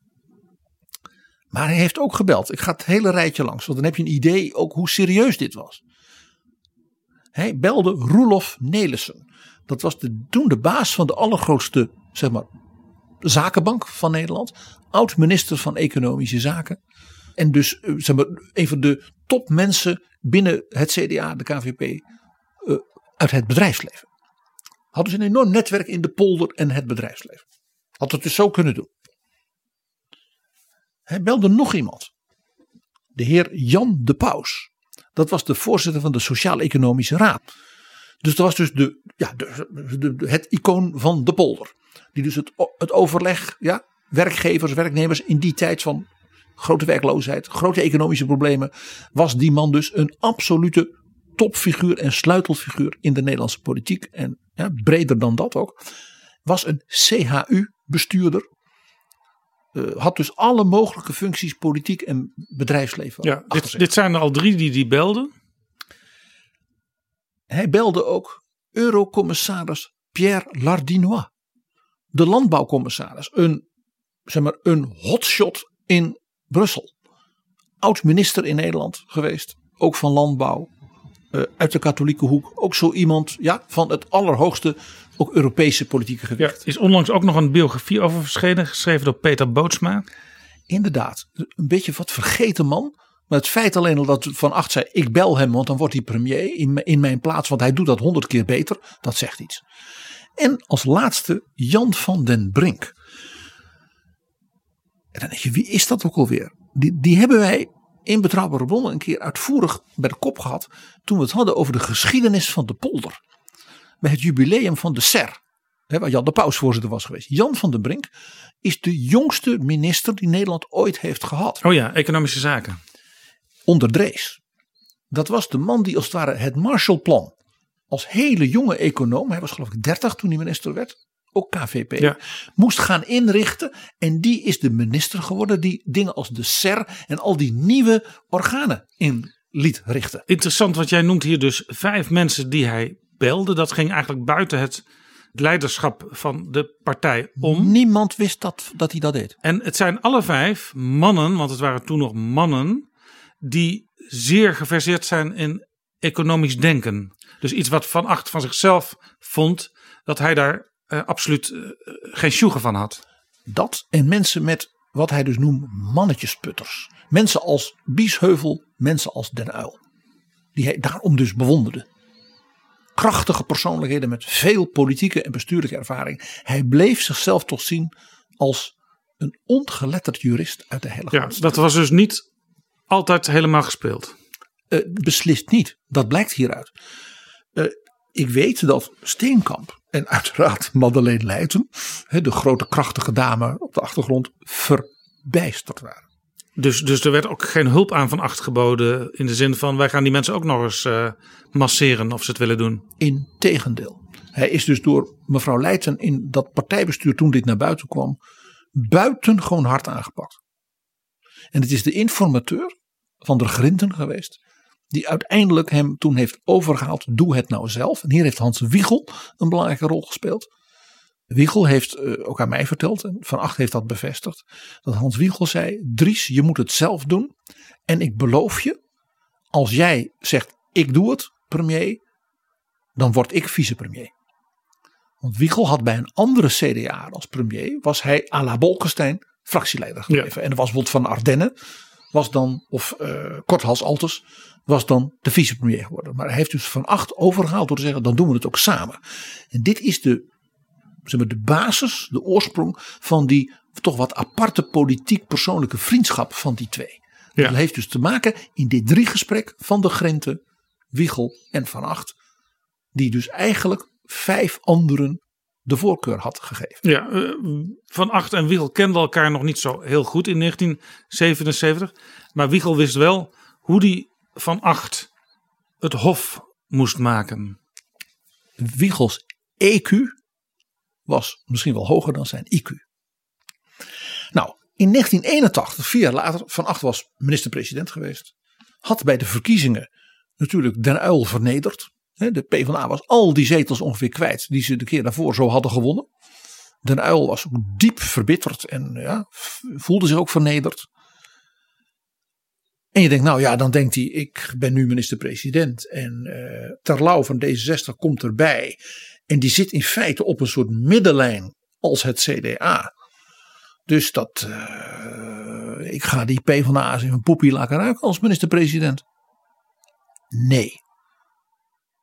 Want de economische situatie was dermate somber. En de financiële situatie, de werkloosheid waren zo dreigend. Ja, 1981 praten we over. 81. Uh, de, de werkloosheid ging zo omhoog dat Nederland op weg was naar een miljoen werklozen. Dat hij dacht, iemand anders zou dit veel beter kunnen. En die kan ook die Den aan. En die kan die PvdA aan. En de vakbonden die natuurlijk gestaken. En hij zag het weer allemaal, het vloog mij aan. En heeft toen de partijvoorzitter van het CDA, Piet Bukman, verordoneerd om met hem samen op bezoek te gaan bij Paus Jelle. Dus in die, die zin had hij geleerd van die eerdere episode in 77. Hij wilde nu de dekking via de partijvoorzitter. Nu begrijp jij waarom hij Piet Bukman meenam, die dat zelf heel merkwaardig vond. Ik heb nooit begrepen waarom. Jij begrijpt wel waarom. Hij dacht, anders krijg ik weer Madeleine op mijn nek. Ja. Hij was nog steeds een beetje bang voor haar. En terecht. Nou, dus zij zijn daar samen op bezoek gegaan. En Zijlstra heeft gezegd, ja, ik heb de stukken bekeken van de informateurs. Hij bedoelde dus Lubbers en de koning. En dat is niks. Dat is allemaal zachte zeep. Daar gaan we de economie niet mee redden. En de Ruil die wil nog meer dit en nog meer dat. En de Zijlstra zei dat wordt niks. Waarop, de, Van Acht zei en daarom wil ik dat jij premier wordt. En Zijlstra heeft toen geweigerd. Toen heeft Van Acht nog twee mensen hem laten bellen. Informateur Lubbers. Om nog toelichting te geven op die cijfers en die kritiek. Ja, dat zal een lang gesprek geweest zijn. Ja, dat hij daar een beetje begrip voor kreeg. En nog iemand op zondagavond. Koningin Beatrix. Oh. Zo hoog heeft Van Achter dus toen gespeeld. Beatrix heeft Zijlstra gebeld. Wilt u niet alstublieft dat premierschap op u nemen? De heer Van Acht is dan meer dan bereid te zwichten. Dat is wat hoor. Jaap, jij kunt je indenken toen dit bekend werd in de fractie van het CDA. Dat dus hun lijsttrekker en aanvoerder en onderhandelaar in de, in de formatie geprobeerd had, zelfs met behulp van informateur Lubbers en haar majesteit en de partijvoorzitter, weg te duiken voor het premierschap. Als ik mijn ogen sluit, dan zit ik weer op dat podiumpje als notulist van die fractie. Ja. ja. Uh, de verbijstering van die fractie. Van Acht kreeg dus een golf van kritiek over zich heen. En oh, wat was dit slim. Want daarmee was hij dus onvervangbaar geworden. ja. Nou, één voorbeeld over dat paradijsvogelschap. Ja, dat is in deze kabinetsformatie ook zelfs in de dagen in 1981 waar we het over hebben. Ik zat dus als notulist van die fractie naast aan de linkerkant van de voorzitter van de fractie. Ja, 1981 nog steeds. 81, ja. He, he, dus die dagen dat hij naar Zijlstra ging. Daar heb ik het nu over. Dat is nu precies 40 jaar geleden. Aan zijn rechterhand zat natuurlijk de secretaris van de fractie. Dat was Huip Eversdijk, Kamerlid uit Zeeland van de CHU. En Dries van Acht vertelde aan de fractie dat hij de 230 wijzigingsvoorstellen die die fractie had bedacht. Op met name de economische delen van het concept regeerakkoord niet had ingeleverd in de onderhandelingen. Want hij had tegen Joop den Uyl gezegd: We hebben nu dit stuk, hè, dus van Lubbers en de koning, maar vooral van Lubbers. Ruud is jouw minister van Economische Zaken geweest. Ruud is mijn collega geweest in jouw kabinet en de fractieleider van mijn partij. Wij weten alle twee hoe briljant hij is. Wij zeggen alle twee gewoon ongezien ja tegen dat stuk. Dan laten we ook zien dat we er echt samen wat van willen maken. Zoals Van Acht zei, ik wilde in de besprekingen een grote sprong voorwaarts maken. de heer Den Uil zei nee, het was goed als het CDA, dus die amendementen van het CDA, 230, uh, in de tas liet. Maar hij had zelf toch wel vijf punten waar hij het over wilde hebben. Want Joop den Uyl kon dus op zo'n moment niet. Nee. Slim. En bij Joop den Uyl waren vijf punten vaak ook dan in de praktijk 25 punten. Want ze En- waren onderverdeeld in subpunten. En dat waren dus vijf zeer doordachte economische dingen waarvan achter op hoofdpijn van kreeg bij de gedachte dat die zouden komen. Die fractie, die dus dagen en nachten had gewerkt aan die 230 abonnementen, was des duivels. Dus die golf komt over van acht heen. En ik heb toen een briefje geschreven, ik geef het eerlijk toe. Voorzitter, de grote roerganger Mao Zedong deed voor zijn campagne De Grote Sprong Voorwaarts 1957. De campagne Laat 100 bloemen bloeien, laat duizend scholen wedijveren 1956. En dat schoof ik naar hem toe. En Van Acht leest dat, kijkt mij aan met dat vogelkopje van hem. Een klein grijnsje en vouwt dat briefje zo heel precies, ja, zoals hij dat dan deed, tot een heel klein dingetje en stak dat in het zakje van zijn pak. De volgende ochtend werd ik door Gerard van der Wulp, de fractievoorlichter, later de directeur van de RVD, op zijn kantoor geroepen om zeg maar een uurtje of half elf. Wat was er gebeurd? En die zegt, ik wil even iets bij jou checken, PG. Kan het zijn dat jij met Dries een gesprek hebt gevoerd over China, over Mao? ik zeg, nee. Ik, zeg, ik heb alleen wel, en ik vertelde van dat papiertje. Ja, ik zag dat. Want die zat natuurlijk bij die fractievergadering in de zaal. Ik zag dat er iets tussen jullie heen en weer ging. Dan is het me nu duidelijk. Ik zeg, wat dan? Nou, zei hij, vannacht om kwart voor één, zoiets, verscheen Dries in Nieuwsport. Want toen waren de onderhandelingen dan eindelijk voorbij. Het oude Nieuwspoort, een, een klein huisje tussen allerlei andere gebouwen op het Binnenhof. In met veel trapjes. En het kon daar, zeker hoe later het werd, heel gezellig zijn. En ook allerlei hoofdpersonen uit de Haagse politiek van toen, die kwamen vaak nog op hele vreemde tijdstippen daar binnen. En de hele journalistiek, die zat daar.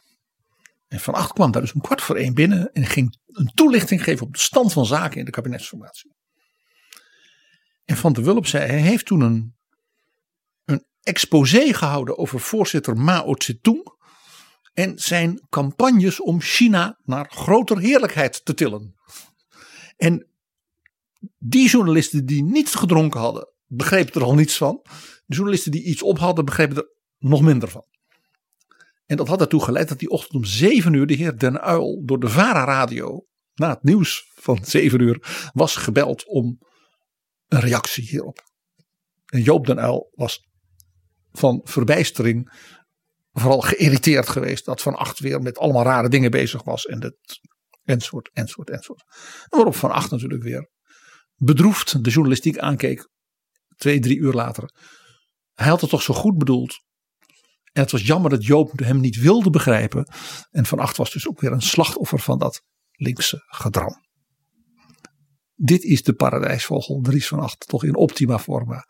Dat je dus een briefje krijgt en dat je daar je fantasie ja, zich verplaatst naar het verre Azië ook weer een beetje vluchtgedrag naar voorzitter Mao, de grote roerganger. En ja, dat, dat, dat, dat, dat je daarmee gaat spelen in je geest. Van acht in optima forma.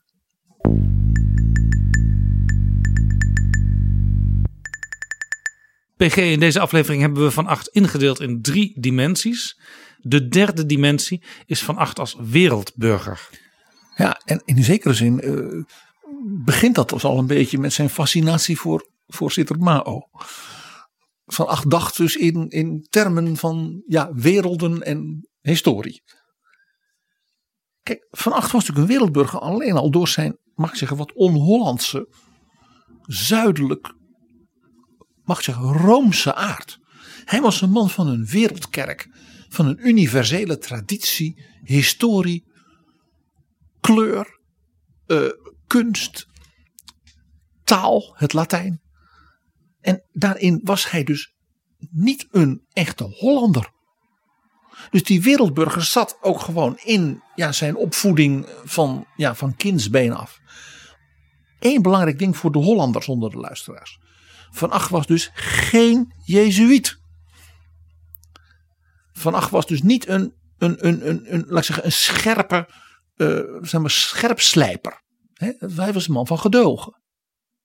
Van Ach was ook dus niet een monnik, ja, weet je wel, die uh, uh, zichzelf kasteide en, ja, en niet at en niet dronk en bad. Ontzegging. Ja, daar had, hij wel, daar had hij overigens wel bewondering voor, van monniken. Zeker, hij ging in Roemenië hè, die kloosters op bezoek.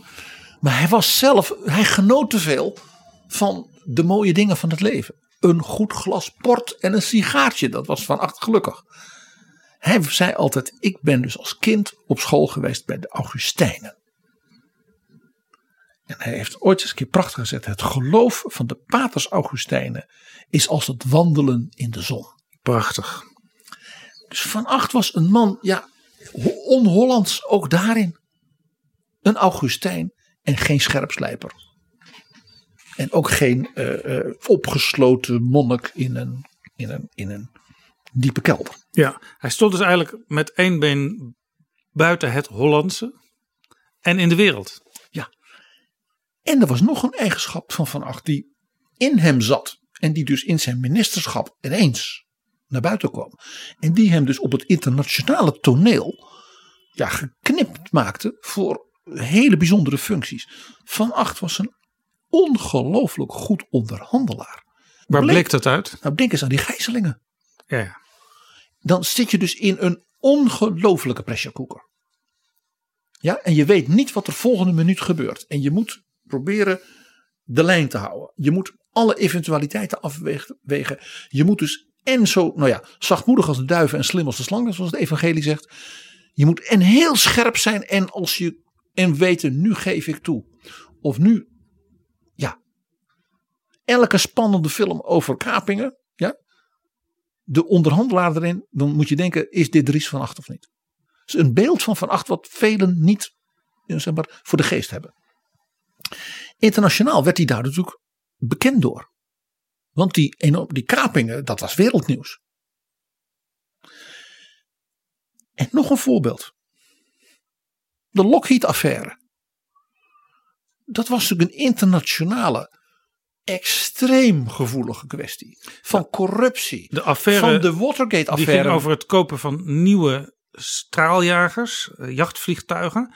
Uh, waarin Prins Bernhard gevoelig bleek voor ja, corruptie. Ja. En dat was dus door Amerikaanse uh, vliegtuigfabrieken voor militaire vliegtuigen. En dat was allemaal naar boven gekomen door de Watergate-affaire. Dus de vermenging van politiek, bedrijfsleven, corruptie en dus ook het omkopen van beslissers in andere landen om daarmee dus de Amerikaanse politiek en het Amerikaanse bedrijfsleven te steunen. Het was eigenlijk bijvangst van de Watergate-affaire. Ja. Uh, de premier van Japan moest aftreden. Uh, het was niet zomaar iets. Nou, daar, dat, daar, dat raakte dus ook het Nederlands staatsrecht. Ja, de positie van de koningin en alles erop en eraan. Dus de vicepremier, minister van Justitie, was een van de mensen die met Den Uil. Uh, ja, die, ja, moest heel verfijnd moet af. Wat kan, wat kan niet. Dat was precies iets voor hem. als premier was hij natuurlijk de man die verstrikt raakte in uh, wat heette het NATO-dubbelbesluit. De grote druk van de Sovjet-Unie onder leiding van de oude Brezhnev. Nou, recent hebben we het erover gehad, over die periode. dus heel veel raketten en die gaan we op Europa zetten en Europa onder druk zetten en daarmee proberen te ontkoppelen van de Verenigde Staten. En daar moest dus onderhandeld worden. Eerst in de NATO, wat is ons antwoord daarop? En Van Acht zat in de situatie dat hij en loyaal wilde zijn en de enorme weerzin in Nederland. Niet alleen op, op, op de linkerkant, dat zat heel breed. Ja, enorme demonstraties in Amsterdam, in Den Haag en ook in kleinere steden. Kerkelijk Nederland, dus dat was voor hem als CDA-aanvoerder ook een belangrijk thema. Uh, tegen dat Nederland dan een aantal van die raketten, de kruisraketten, zou geplaatst krijgen. Dus Van Acht bedacht in die onderhandelingen, we zouden nu zeggen een geitenpaadje. En dat zat zo slim in elkaar. Dat zijn opvolger Ruud Lubbers, die daar dus mee moest werken, dat kon gebruiken om in het internationale overleg met president Reagan, met Gorbachev, met Thatcher, met Kohl. Maar bijvoorbeeld ook met iemand als Rajiv Gandhi in India, met wie hij dus juist hierover veel samenwerkte. Had Lubbers dus een enorme leverage. Nederland speelde dus een enorme rol hierdoor. Ja. Dat was dus heel knap. Want Van Acht hield niet alleen zijn coalitie overeind, zijn kabinet overeind, maar bleef ook nog internationaal als Nederlands premier een sleutelfiguur. En werd nog hoog geacht ook om de, zeg maar, de creativiteit die hij daarbij liet blijken. Hij werd ook een keer geïntroduceerd op een CDA-congres waar hij laat binnenkwam. Want hij was internationaal prijs geweest als onze vliegende Hollander voor vrede en veiligheid. Ik hoor Piet Steenkamp nog met zijn overslaande stem dat roepen toen Van Acht binnenkwam. Inderdaad. Dit is overigens ook het begin geweest van een hele bijzondere vriendschap van Van Acht, namelijk met Helmoet Schmid, de SPD-kanselier van Duitsland. Die zei: laat ons Duitsers niet alleen in deze kwestie, want dan zal in Duitsland de anti-Amerikaanse, neutralistische krachten, met name in zijn eigen partij, denk aan mensen als Oscar Lafontaine, zullen dan de macht grijpen. En Duitsland wordt dan geneutraliseerd en dan hebben we ellende in de Koude Oorlog. Dus als de andere Europese landen met Duitsland samenwerken hier en Nederland bereid zou zijn iets te doen, dan staat Duitsland niet alleen. En dus Van Acht zei: Ik ga Helmoet Schmid niet in de steek laten. Het ging dus niet zozeer om president Carter of president Reagan. Het ging om Helmoet Schmid. Ja. En Helmoet Schmid heeft dit als bewijs van zeg maar, loyaliteit en moed van Van Acht letterlijk tot zijn dood gewaardeerd. Van Acht was een van de twee Nederlanders aanwezig bij het diner voor, ik geloof, de 95e verjaardag van Helmoet Schmid. Dat werd aangeboden door de stad Hamburg en de SPD. Ja, ook een mooi voorbeeld van partijoverstijgende politieke samenwerking. Helmoet Schmid, sociaaldemocraat, Van Acht, christendemocraat. Ja, omdat die dus zeiden, dit gaat om zulke fundamentele vragen en dit vereist zoveel politieke moed. Dat een man als Schmid zei, die van acht, nou dat, uh, daar heb ik grote bewondering voor. Heel, heel opmerkelijk. Van acht dus de internationale figuur. Op, ja, op het hoogste niveau. En dan zo gewaardeerd. Wie was overigens de andere Nederlander bij het 95 jaar bestaan van Helmut Schmid? Dat was natuurlijk Max van der Stoel. Uh, nog een voorbeeld. President Reagan en zijn minister van Buitenlandse Zaken, George Shultz, die onlangs 100 werd en nog altijd les geeft aan zijn eigen instituut. Ongelooflijk is die man. Het is een beetje de Piet de Jong van Amerika.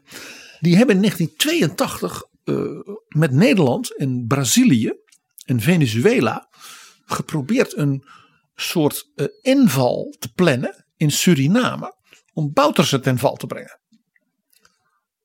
Van Acht heeft als minister van Buitenlandse Zaken, want dat was hij toen tijdelijk. Ja, hij was even, hij combineerde eventjes het premierschap met het ministerschap van Buitenlandse Zaken. En nu snap jij waarom.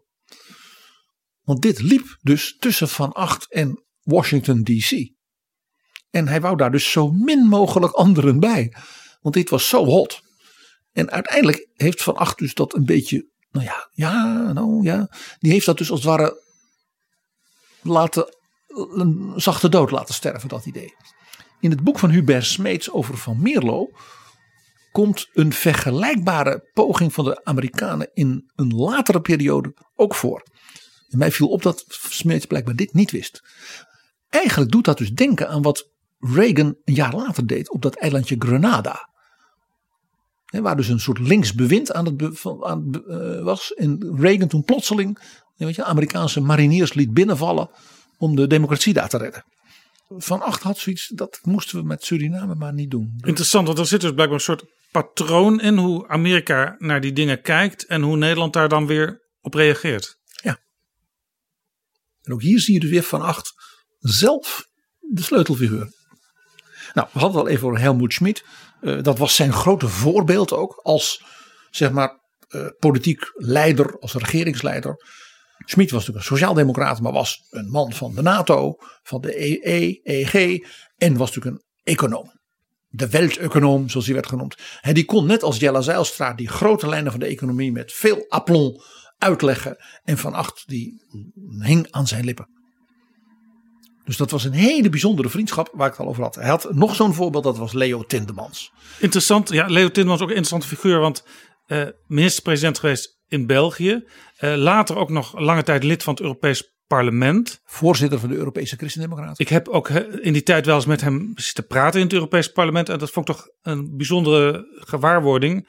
Uh, een belangrijk man, een oud premier. Met wie je dan gewoon over van alles en nog wat zit te praten. En zelfs over familiegeschiedenissen. Tindemans was een ongelooflijke charismatische politicus. Je zette Tindemans voor een stadion en de mensen juichten hem toe. En Van Acht bewonderde dus Leo Tindemans met zijn extravertie.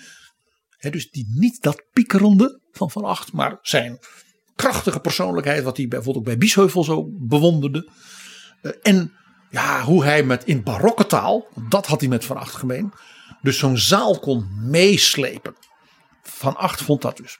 Die vond ook de acteur Leo Tindemans en zijn leiderschapskwaliteiten. Daar kon hij niet genoeg van krijgen. Nou, met deze internationale achtergrond is het bijna niet verwonderlijk dat Van Acht dus na zijn premierschap, toch door velen hier in Nederland nauwelijks waargenomen, topfuncties in Europa kon vervullen. Ja, de paradijsvogel bleek dus tot veel in staat. Ook buiten ons zicht vanuit, vanaf het Binnenhof.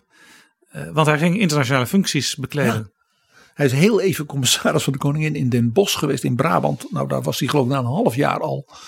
Had hij daar helemaal genoeg van. Dat was niks voor hem. Uh, en toen kwam uh, ja, een, een prachtige uh, mogelijkheid. Jacques Delors. Die benaderde hem. Om ambassadeur van de Europese Unie te worden in Japan. Dus dan was je degene die een handelspolitiek en die dingen waar dus de EU over gaat. Hè, met een land als Japan. Dus ongelooflijk belangrijke functie. Uh, en van acht, die, zou jij zeggen, dat was toch geen econoom, hè? Maar natuurlijk wel een jurist. Dus handelspolitieke relaties, dat raakt Europees recht, nou ja, al die dingen waar Van Acht heel goed in is. En ja, zijn diplomatieke kwaliteiten, zijn onderhandelingskwaliteiten, is natuurlijk ook zijn status als premier, oud-premier. Zijn manieren, zijn, ja, zijn kleurrijke persoonlijkheid, zijn beleefdheid, zijn altijd een, hè, het juiste, uh, de dichtregel. Hij, hij vond Japan dan ook geweldig. De, ja, de Japanse finesse, uh, de Japanse cultuur, hij heeft daar ongelooflijk van genoten. En tegelijkertijd uh, Delors en Frans Andriessen, hè, die dus toen de eurocommissaris was voor dat soort dingen, wisten ook dat als het puntje bepaald kwam, er ook een spijkerharde onderhandelaar zat. Ja, spreken nu over de periode van uh, januari 1987 tot januari 1990. Ja, en januari 1990, dat is dus zeg maar twee maanden na de val van de muur. En dus het onderhandelen ja, tussen de Europese landen met president Bush en met Gorbachev. En wie werd toen voor vijf jaar de ambassadeur van Europa in Washington?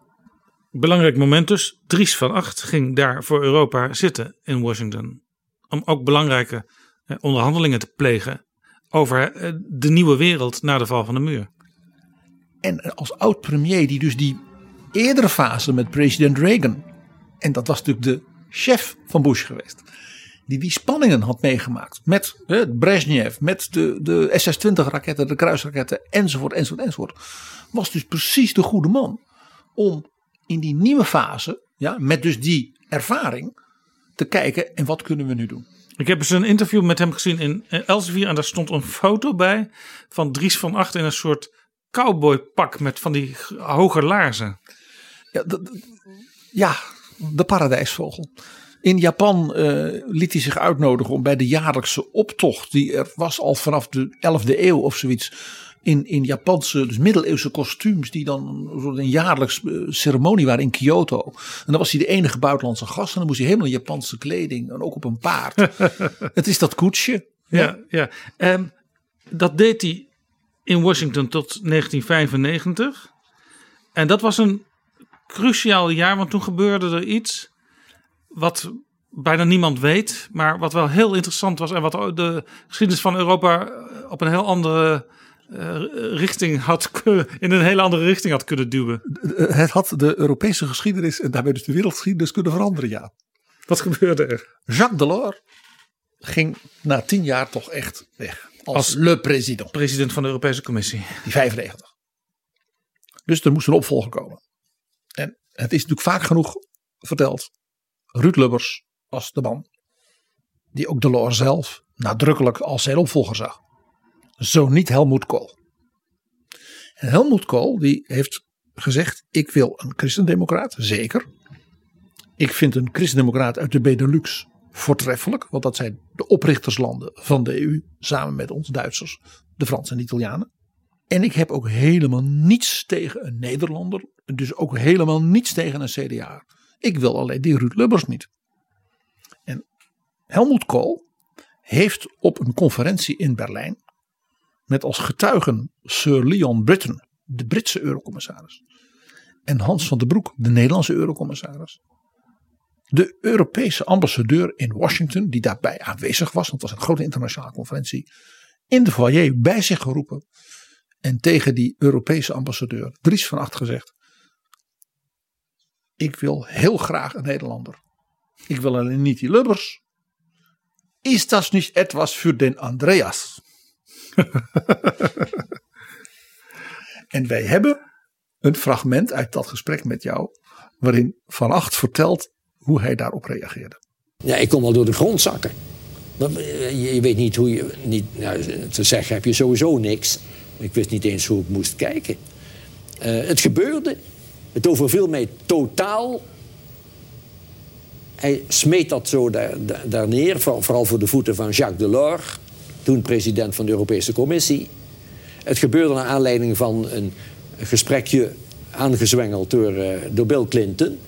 Van wat gaan jullie doen met de commissie? Wie wordt straks hier uh, mijn gesprekspartner? Als Jacques Delors er niet ja. meer zit. Of de gesprekspartner en Bill Clinton kende u natuurlijk al? Clinton kende ik.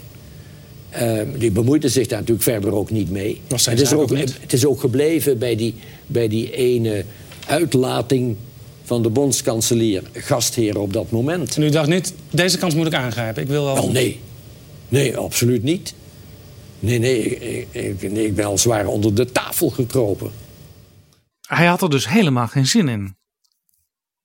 Hij heeft het, daarom is dat fragment, hij heeft het ook aan mij persoonlijk verteld. Hij zegt, ik dacht dat ik flauw viel. De gedachte een man als Jacques Delors te mogen opvolgen. Ook hier dus weer, hij zou eerst nog Jelle Zijlstra gebeld hebben. Hij zag zichzelf dat niet doen. En het interessante is dat een man als Helmoet Kool er gewoon geen twijfel aan had dat de Andreas dat prima zou kunnen. En het feit dat hij dat tegen Sion Leon Britton en een Hans van der Broek, die hem natuurlijk ook kende uit het CDA, als minister van Buitenlandse Zaken en alles, ook gewoon zei. Ervan uitgaan dus dat hij alle twee zei, fantastische vent, die Andreas zegt dus vooral ook iets over Helmut Kool. En zijn afkeer van Ruud Lubbers. Ja. Maar ook hoe hij, hoog hij dus Dries van Acht inschatte.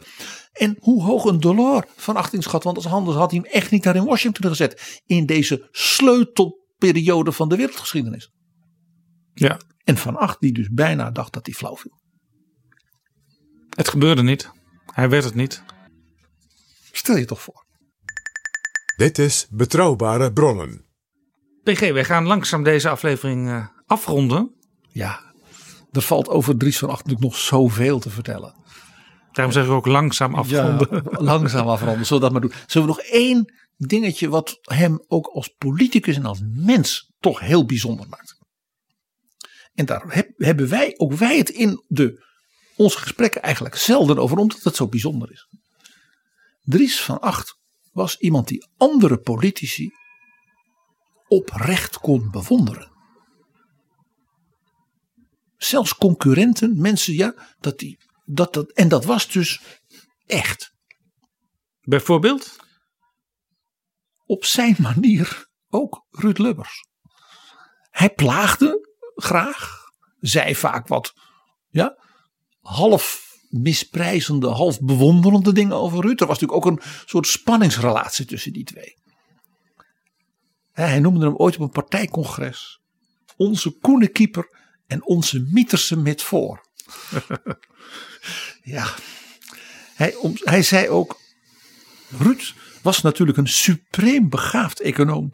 En ik ben slechts een ongeletterd jurist uit de Heilige Landstichting. het woord alleen is supreem begaafd. Dat is natuurlijk prachtig gevonden, maar ook misschien een klein beetje ironisch. Ja, ja, ja. Maar hij had ook bewondering voor Lubbers zijn ongelooflijke werkkracht en focus en toewijding. Maar ook daar weer, hoe vertelde hij dat? Nou, als volgt. Hij vertelde mij dat hij in de eerste week dat Lubbers minister-president was, werd gebeld door de secretaresse. En dat was natuurlijk zijn secretaresse al die jaren geweest. Ja. Of hij de volgende dag om half negen in de ochtend bij de premier kon zijn. Dan, kende, dan kenden ze Dries toch slecht als, dat, eh, als ze jarenlang met hem had samengewerkt. Dit was dus duidelijk Ruud die dat zelf had bedacht. Dus Van Acht die dacht, ja, als oud-minister-president, dat doe je dan. De opvolger heeft, wil met je praten. En Van Acht zei ook, ik vond het ook wel heel ja, chic. Dus ik waardeerde het enorm. Het was wel wat vroeg. Maar het kwam goed uit, want hij kon dus naar Den Haag. De avond van tevoren. Had een kamer in Hotel des Indes. De vorm, je een beetje genieten. Ja? En wie was ook in Den Haag voor een Europees overleg? Leo Tindemans. Ah. Dus hij kon die avond uit eten met Leo Tindemans. Dus sowieso was zijn dag goed. De volgende ochtend om half negen was hij op het torentje. Ruud Lubbers die zegt. Ah Dries, fijn dat je er bent. Paar dingen even met jou aftasten. Van hoe deed jij dingen met de Rijksvoorlichtingsdienst, met het Koningshuis. Tik, tik, tik. Van acht zei om tien voor negen stond ik weer buiten. Twintig minuten later. De klok van de kloosterkerk moest nog negen uur slaan. Die mengeling van ironie en dus ook wel respect en bewondering voor iemand met zo'n ja, drive en werkkracht en focus. Wat hij dus ook bij Den Uil zo bewonderde. Maar ongelooflijk toch, als je toch elkaar al negen jaar intensief kent, samen in kabinet en Uil uh, gezeten. Uh, Lubbers fractievoorzitter, terwijl Dries uh, premier was. En dan toch nog, nog steeds zo met elkaar omgaan. De politiek blijft een hele eigen wereld. Nou, we hadden het al over Helmoet Kool. Daar bewonderde hij dus ook die, die, die onverzettelijke, dat, dat, dat, dat, die grote persoonlijkheid, maar ook dat leiderschap. En uh, dat Helmoet Kool, ja, die overzag het hele gebeuren. Hij omschreef hem ooit eens tegen mij. Helmoet Kool, die olifant met nimmer falend geheugen. Waarbij hij ook iets over het fysiek van Helmoet Kool Ja, natuurlijk. ja, ja. Hij was natuurlijk zelf, van achter natuurlijk zelf een heel klein, vrij hè, wielrenmannetje. Ja, hij had ook natuurlijk een bijzondere waardering voor Jan de Koning. Want toen hij zelf het politieke bos inging, toen eh, droeg hij Jan de Koning voor, intern bij het CDA, om zijn opvolger te worden als premier. Wat kun je nog duidelijker over iemand zeggen dan dat? Hij werd het niet Jan de Koning, want Lubbers werd het. Maar Dat verhaal kennen we. die, die, die eh, zeg maar, ja, hij keek op tegen Jan de Koning. Ruud Lubbers die zei altijd: Dries noemde Jan de man van Stavast. ook weer zo'n ouderwetse Nederlandse uitdrukking. Maar ja, ja een, een duiding die, die ook staat als een huis. De man van Stavast. Ik ga nu letterlijk voorlezen wat Dries ooit over Jan de Koning tegen mij heeft gezegd. Wat een prachtkerel was dat. Tjonge jongen, ik wou dat ik zo was, een beetje maar. Jan was natuurlijk de Calvinist vervuld van plichtsbetrachting. Maar hij was geen draufganger. Jan had zicht voor de betrekkelijkheid der dingen. De glimlach, deze spiegel van de ziel, die filosofische monkeling, die had Jan. Hier ook weer de betrekkelijkheid der dingen, dat is dat aspect van die relativering van het politieke gebeuren. Jan de Koning was iemand die, die als er een conflict was in zijn kabinet, kabinet van 8-1, dat dan Jan de Koning en Danny Tuinman, de VVD-minister, ook een wat oudere heer, die gingen dan samen zitten en die bedachten een oplossing. En Van Acht zei, dat namen wij altijd over om twee redenen. Omdat ze natuurlijk heel wijs waren en omdat Jan zo aardig was. Ja. Er was ook nog een bijzondere relatie tussen hem en die andere oud-premier. Uh, ze stonden ook samen, eigenlijk in dezelfde lijn, te oreren tegen de gedoogsamenwerking van dat eerste kabinet Rutte met de PVV op dat grote CDA-congres. Pieter Jong heb ik het over. Ja, Van Acht had wat ik denk eigenlijk elke premier na Piet de Jong had voor Piet de Jong. We weten het ook van Mark Rutte. Uh, die hielden een beetje van die man. Dat is, echt het beste. Respect voor zijn persoonlijkheid, voor zijn, hoe die, zijn vak. Maar die, de man werd vooral ook zo beminnelijk en wijs gevonden. Van Acht heeft een keer uh, op Radio 1 een heel lang gesprek gevoerd met Pieter Jong en Barend Biesheuvel. Dus als drie oud-premiers uh, onder leiding van Max van Wezel. Dat werd opgenomen in de Eerste Kamer. En door toevalligheden was ik daarbij. Ik had namelijk een dinerafspraak met Van Acht na afloop. Oh ja. En die wist dat Max van Wezel en ik elkaar goed kenden en vrienden waren. En die zei, dan kom je er toch gezellig bij. Ook echt van achter. Dat ook weer iets, iets gezelligs. Dat gesprek was natuurlijk fascinerend. En na afloop bij dat diner vroeg ik natuurlijk naar aan Van Acht. En hoe vond u het gaan? Toen zei hij, ja, die Max is altijd heel ondeugend hè, naar ons confessionele. We letten dus wel goed op. Maar dat is ten diepste affectie bij hem, Amis. Max van Wezel die altijd zo gefascineerd was door die persoon van acht. Ten diepste affectie.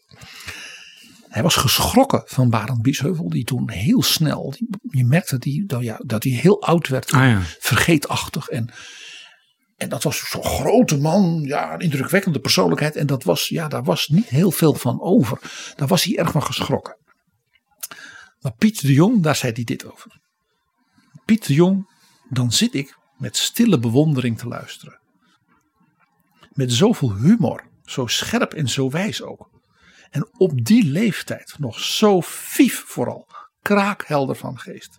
Mocht ik toch ooit zo worden, zou dat een groot, groot geschenk zijn. Ik zou het beslist niet verdiend hebben. Als zoiets al in mij zat. Prachtig, prachtig. Dus in zekere zin is Dries van Acht ook in zijn hele leven. Hij is nog onder ons, maar, zijn, dus- maar we blikken al een beetje terug. Hij is 90. Gefeliciteerd nogmaals. En, en zullen we vaststellen. Consistent dat- gebleven in, in deze houding. en zullen we ook vaststellen dat hij iets van wat Piet de Jong was geschonken ook heeft gekregen. Dat hij zo lang zo vief, geestelijk zo scherp, zo humorvol en zo zichzelf ook heeft kunnen blijven. En dat is toch iets heel moois. Leven Dries van Acht. Laten we nog één keer naar hem luisteren. Tijdens uw ministerschap eh, leed u een keer aan een biologische recessie van louter conjuncturele aard. Wat, wat betekende dat? Dat betekende gewoon dat, eh, dat er eventjes lichaamsvocht kwam uit lichaamsopeningen waar niet zoveel uit tevoorschijn behoort te komen.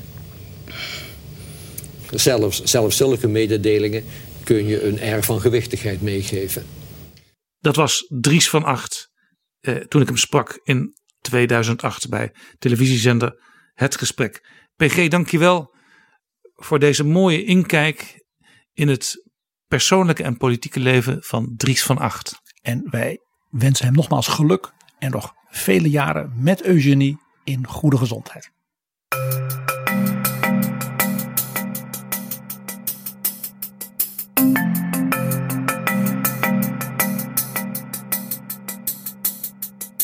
Zo, dit was Betrouwbare Bronnen, aflevering 164. Deze aflevering is mede mogelijk gemaakt door vrienden van de show. Mensen die een bedrag, klein of groot, hebben gedoneerd via de site Vriend van de Show. In dit kader wil ik speciaal welkom heten de nieuwe vrienden Bas, Peter, Klaas, Bowien, Robin, Pirmin, Jan-Willem, Winfred, Koen en Mart. Zeer veel dank allemaal. Tot volgende keer. Betrouwbare bronnen wordt gemaakt door Jaap Jansen in samenwerking met dag en nacht.nl.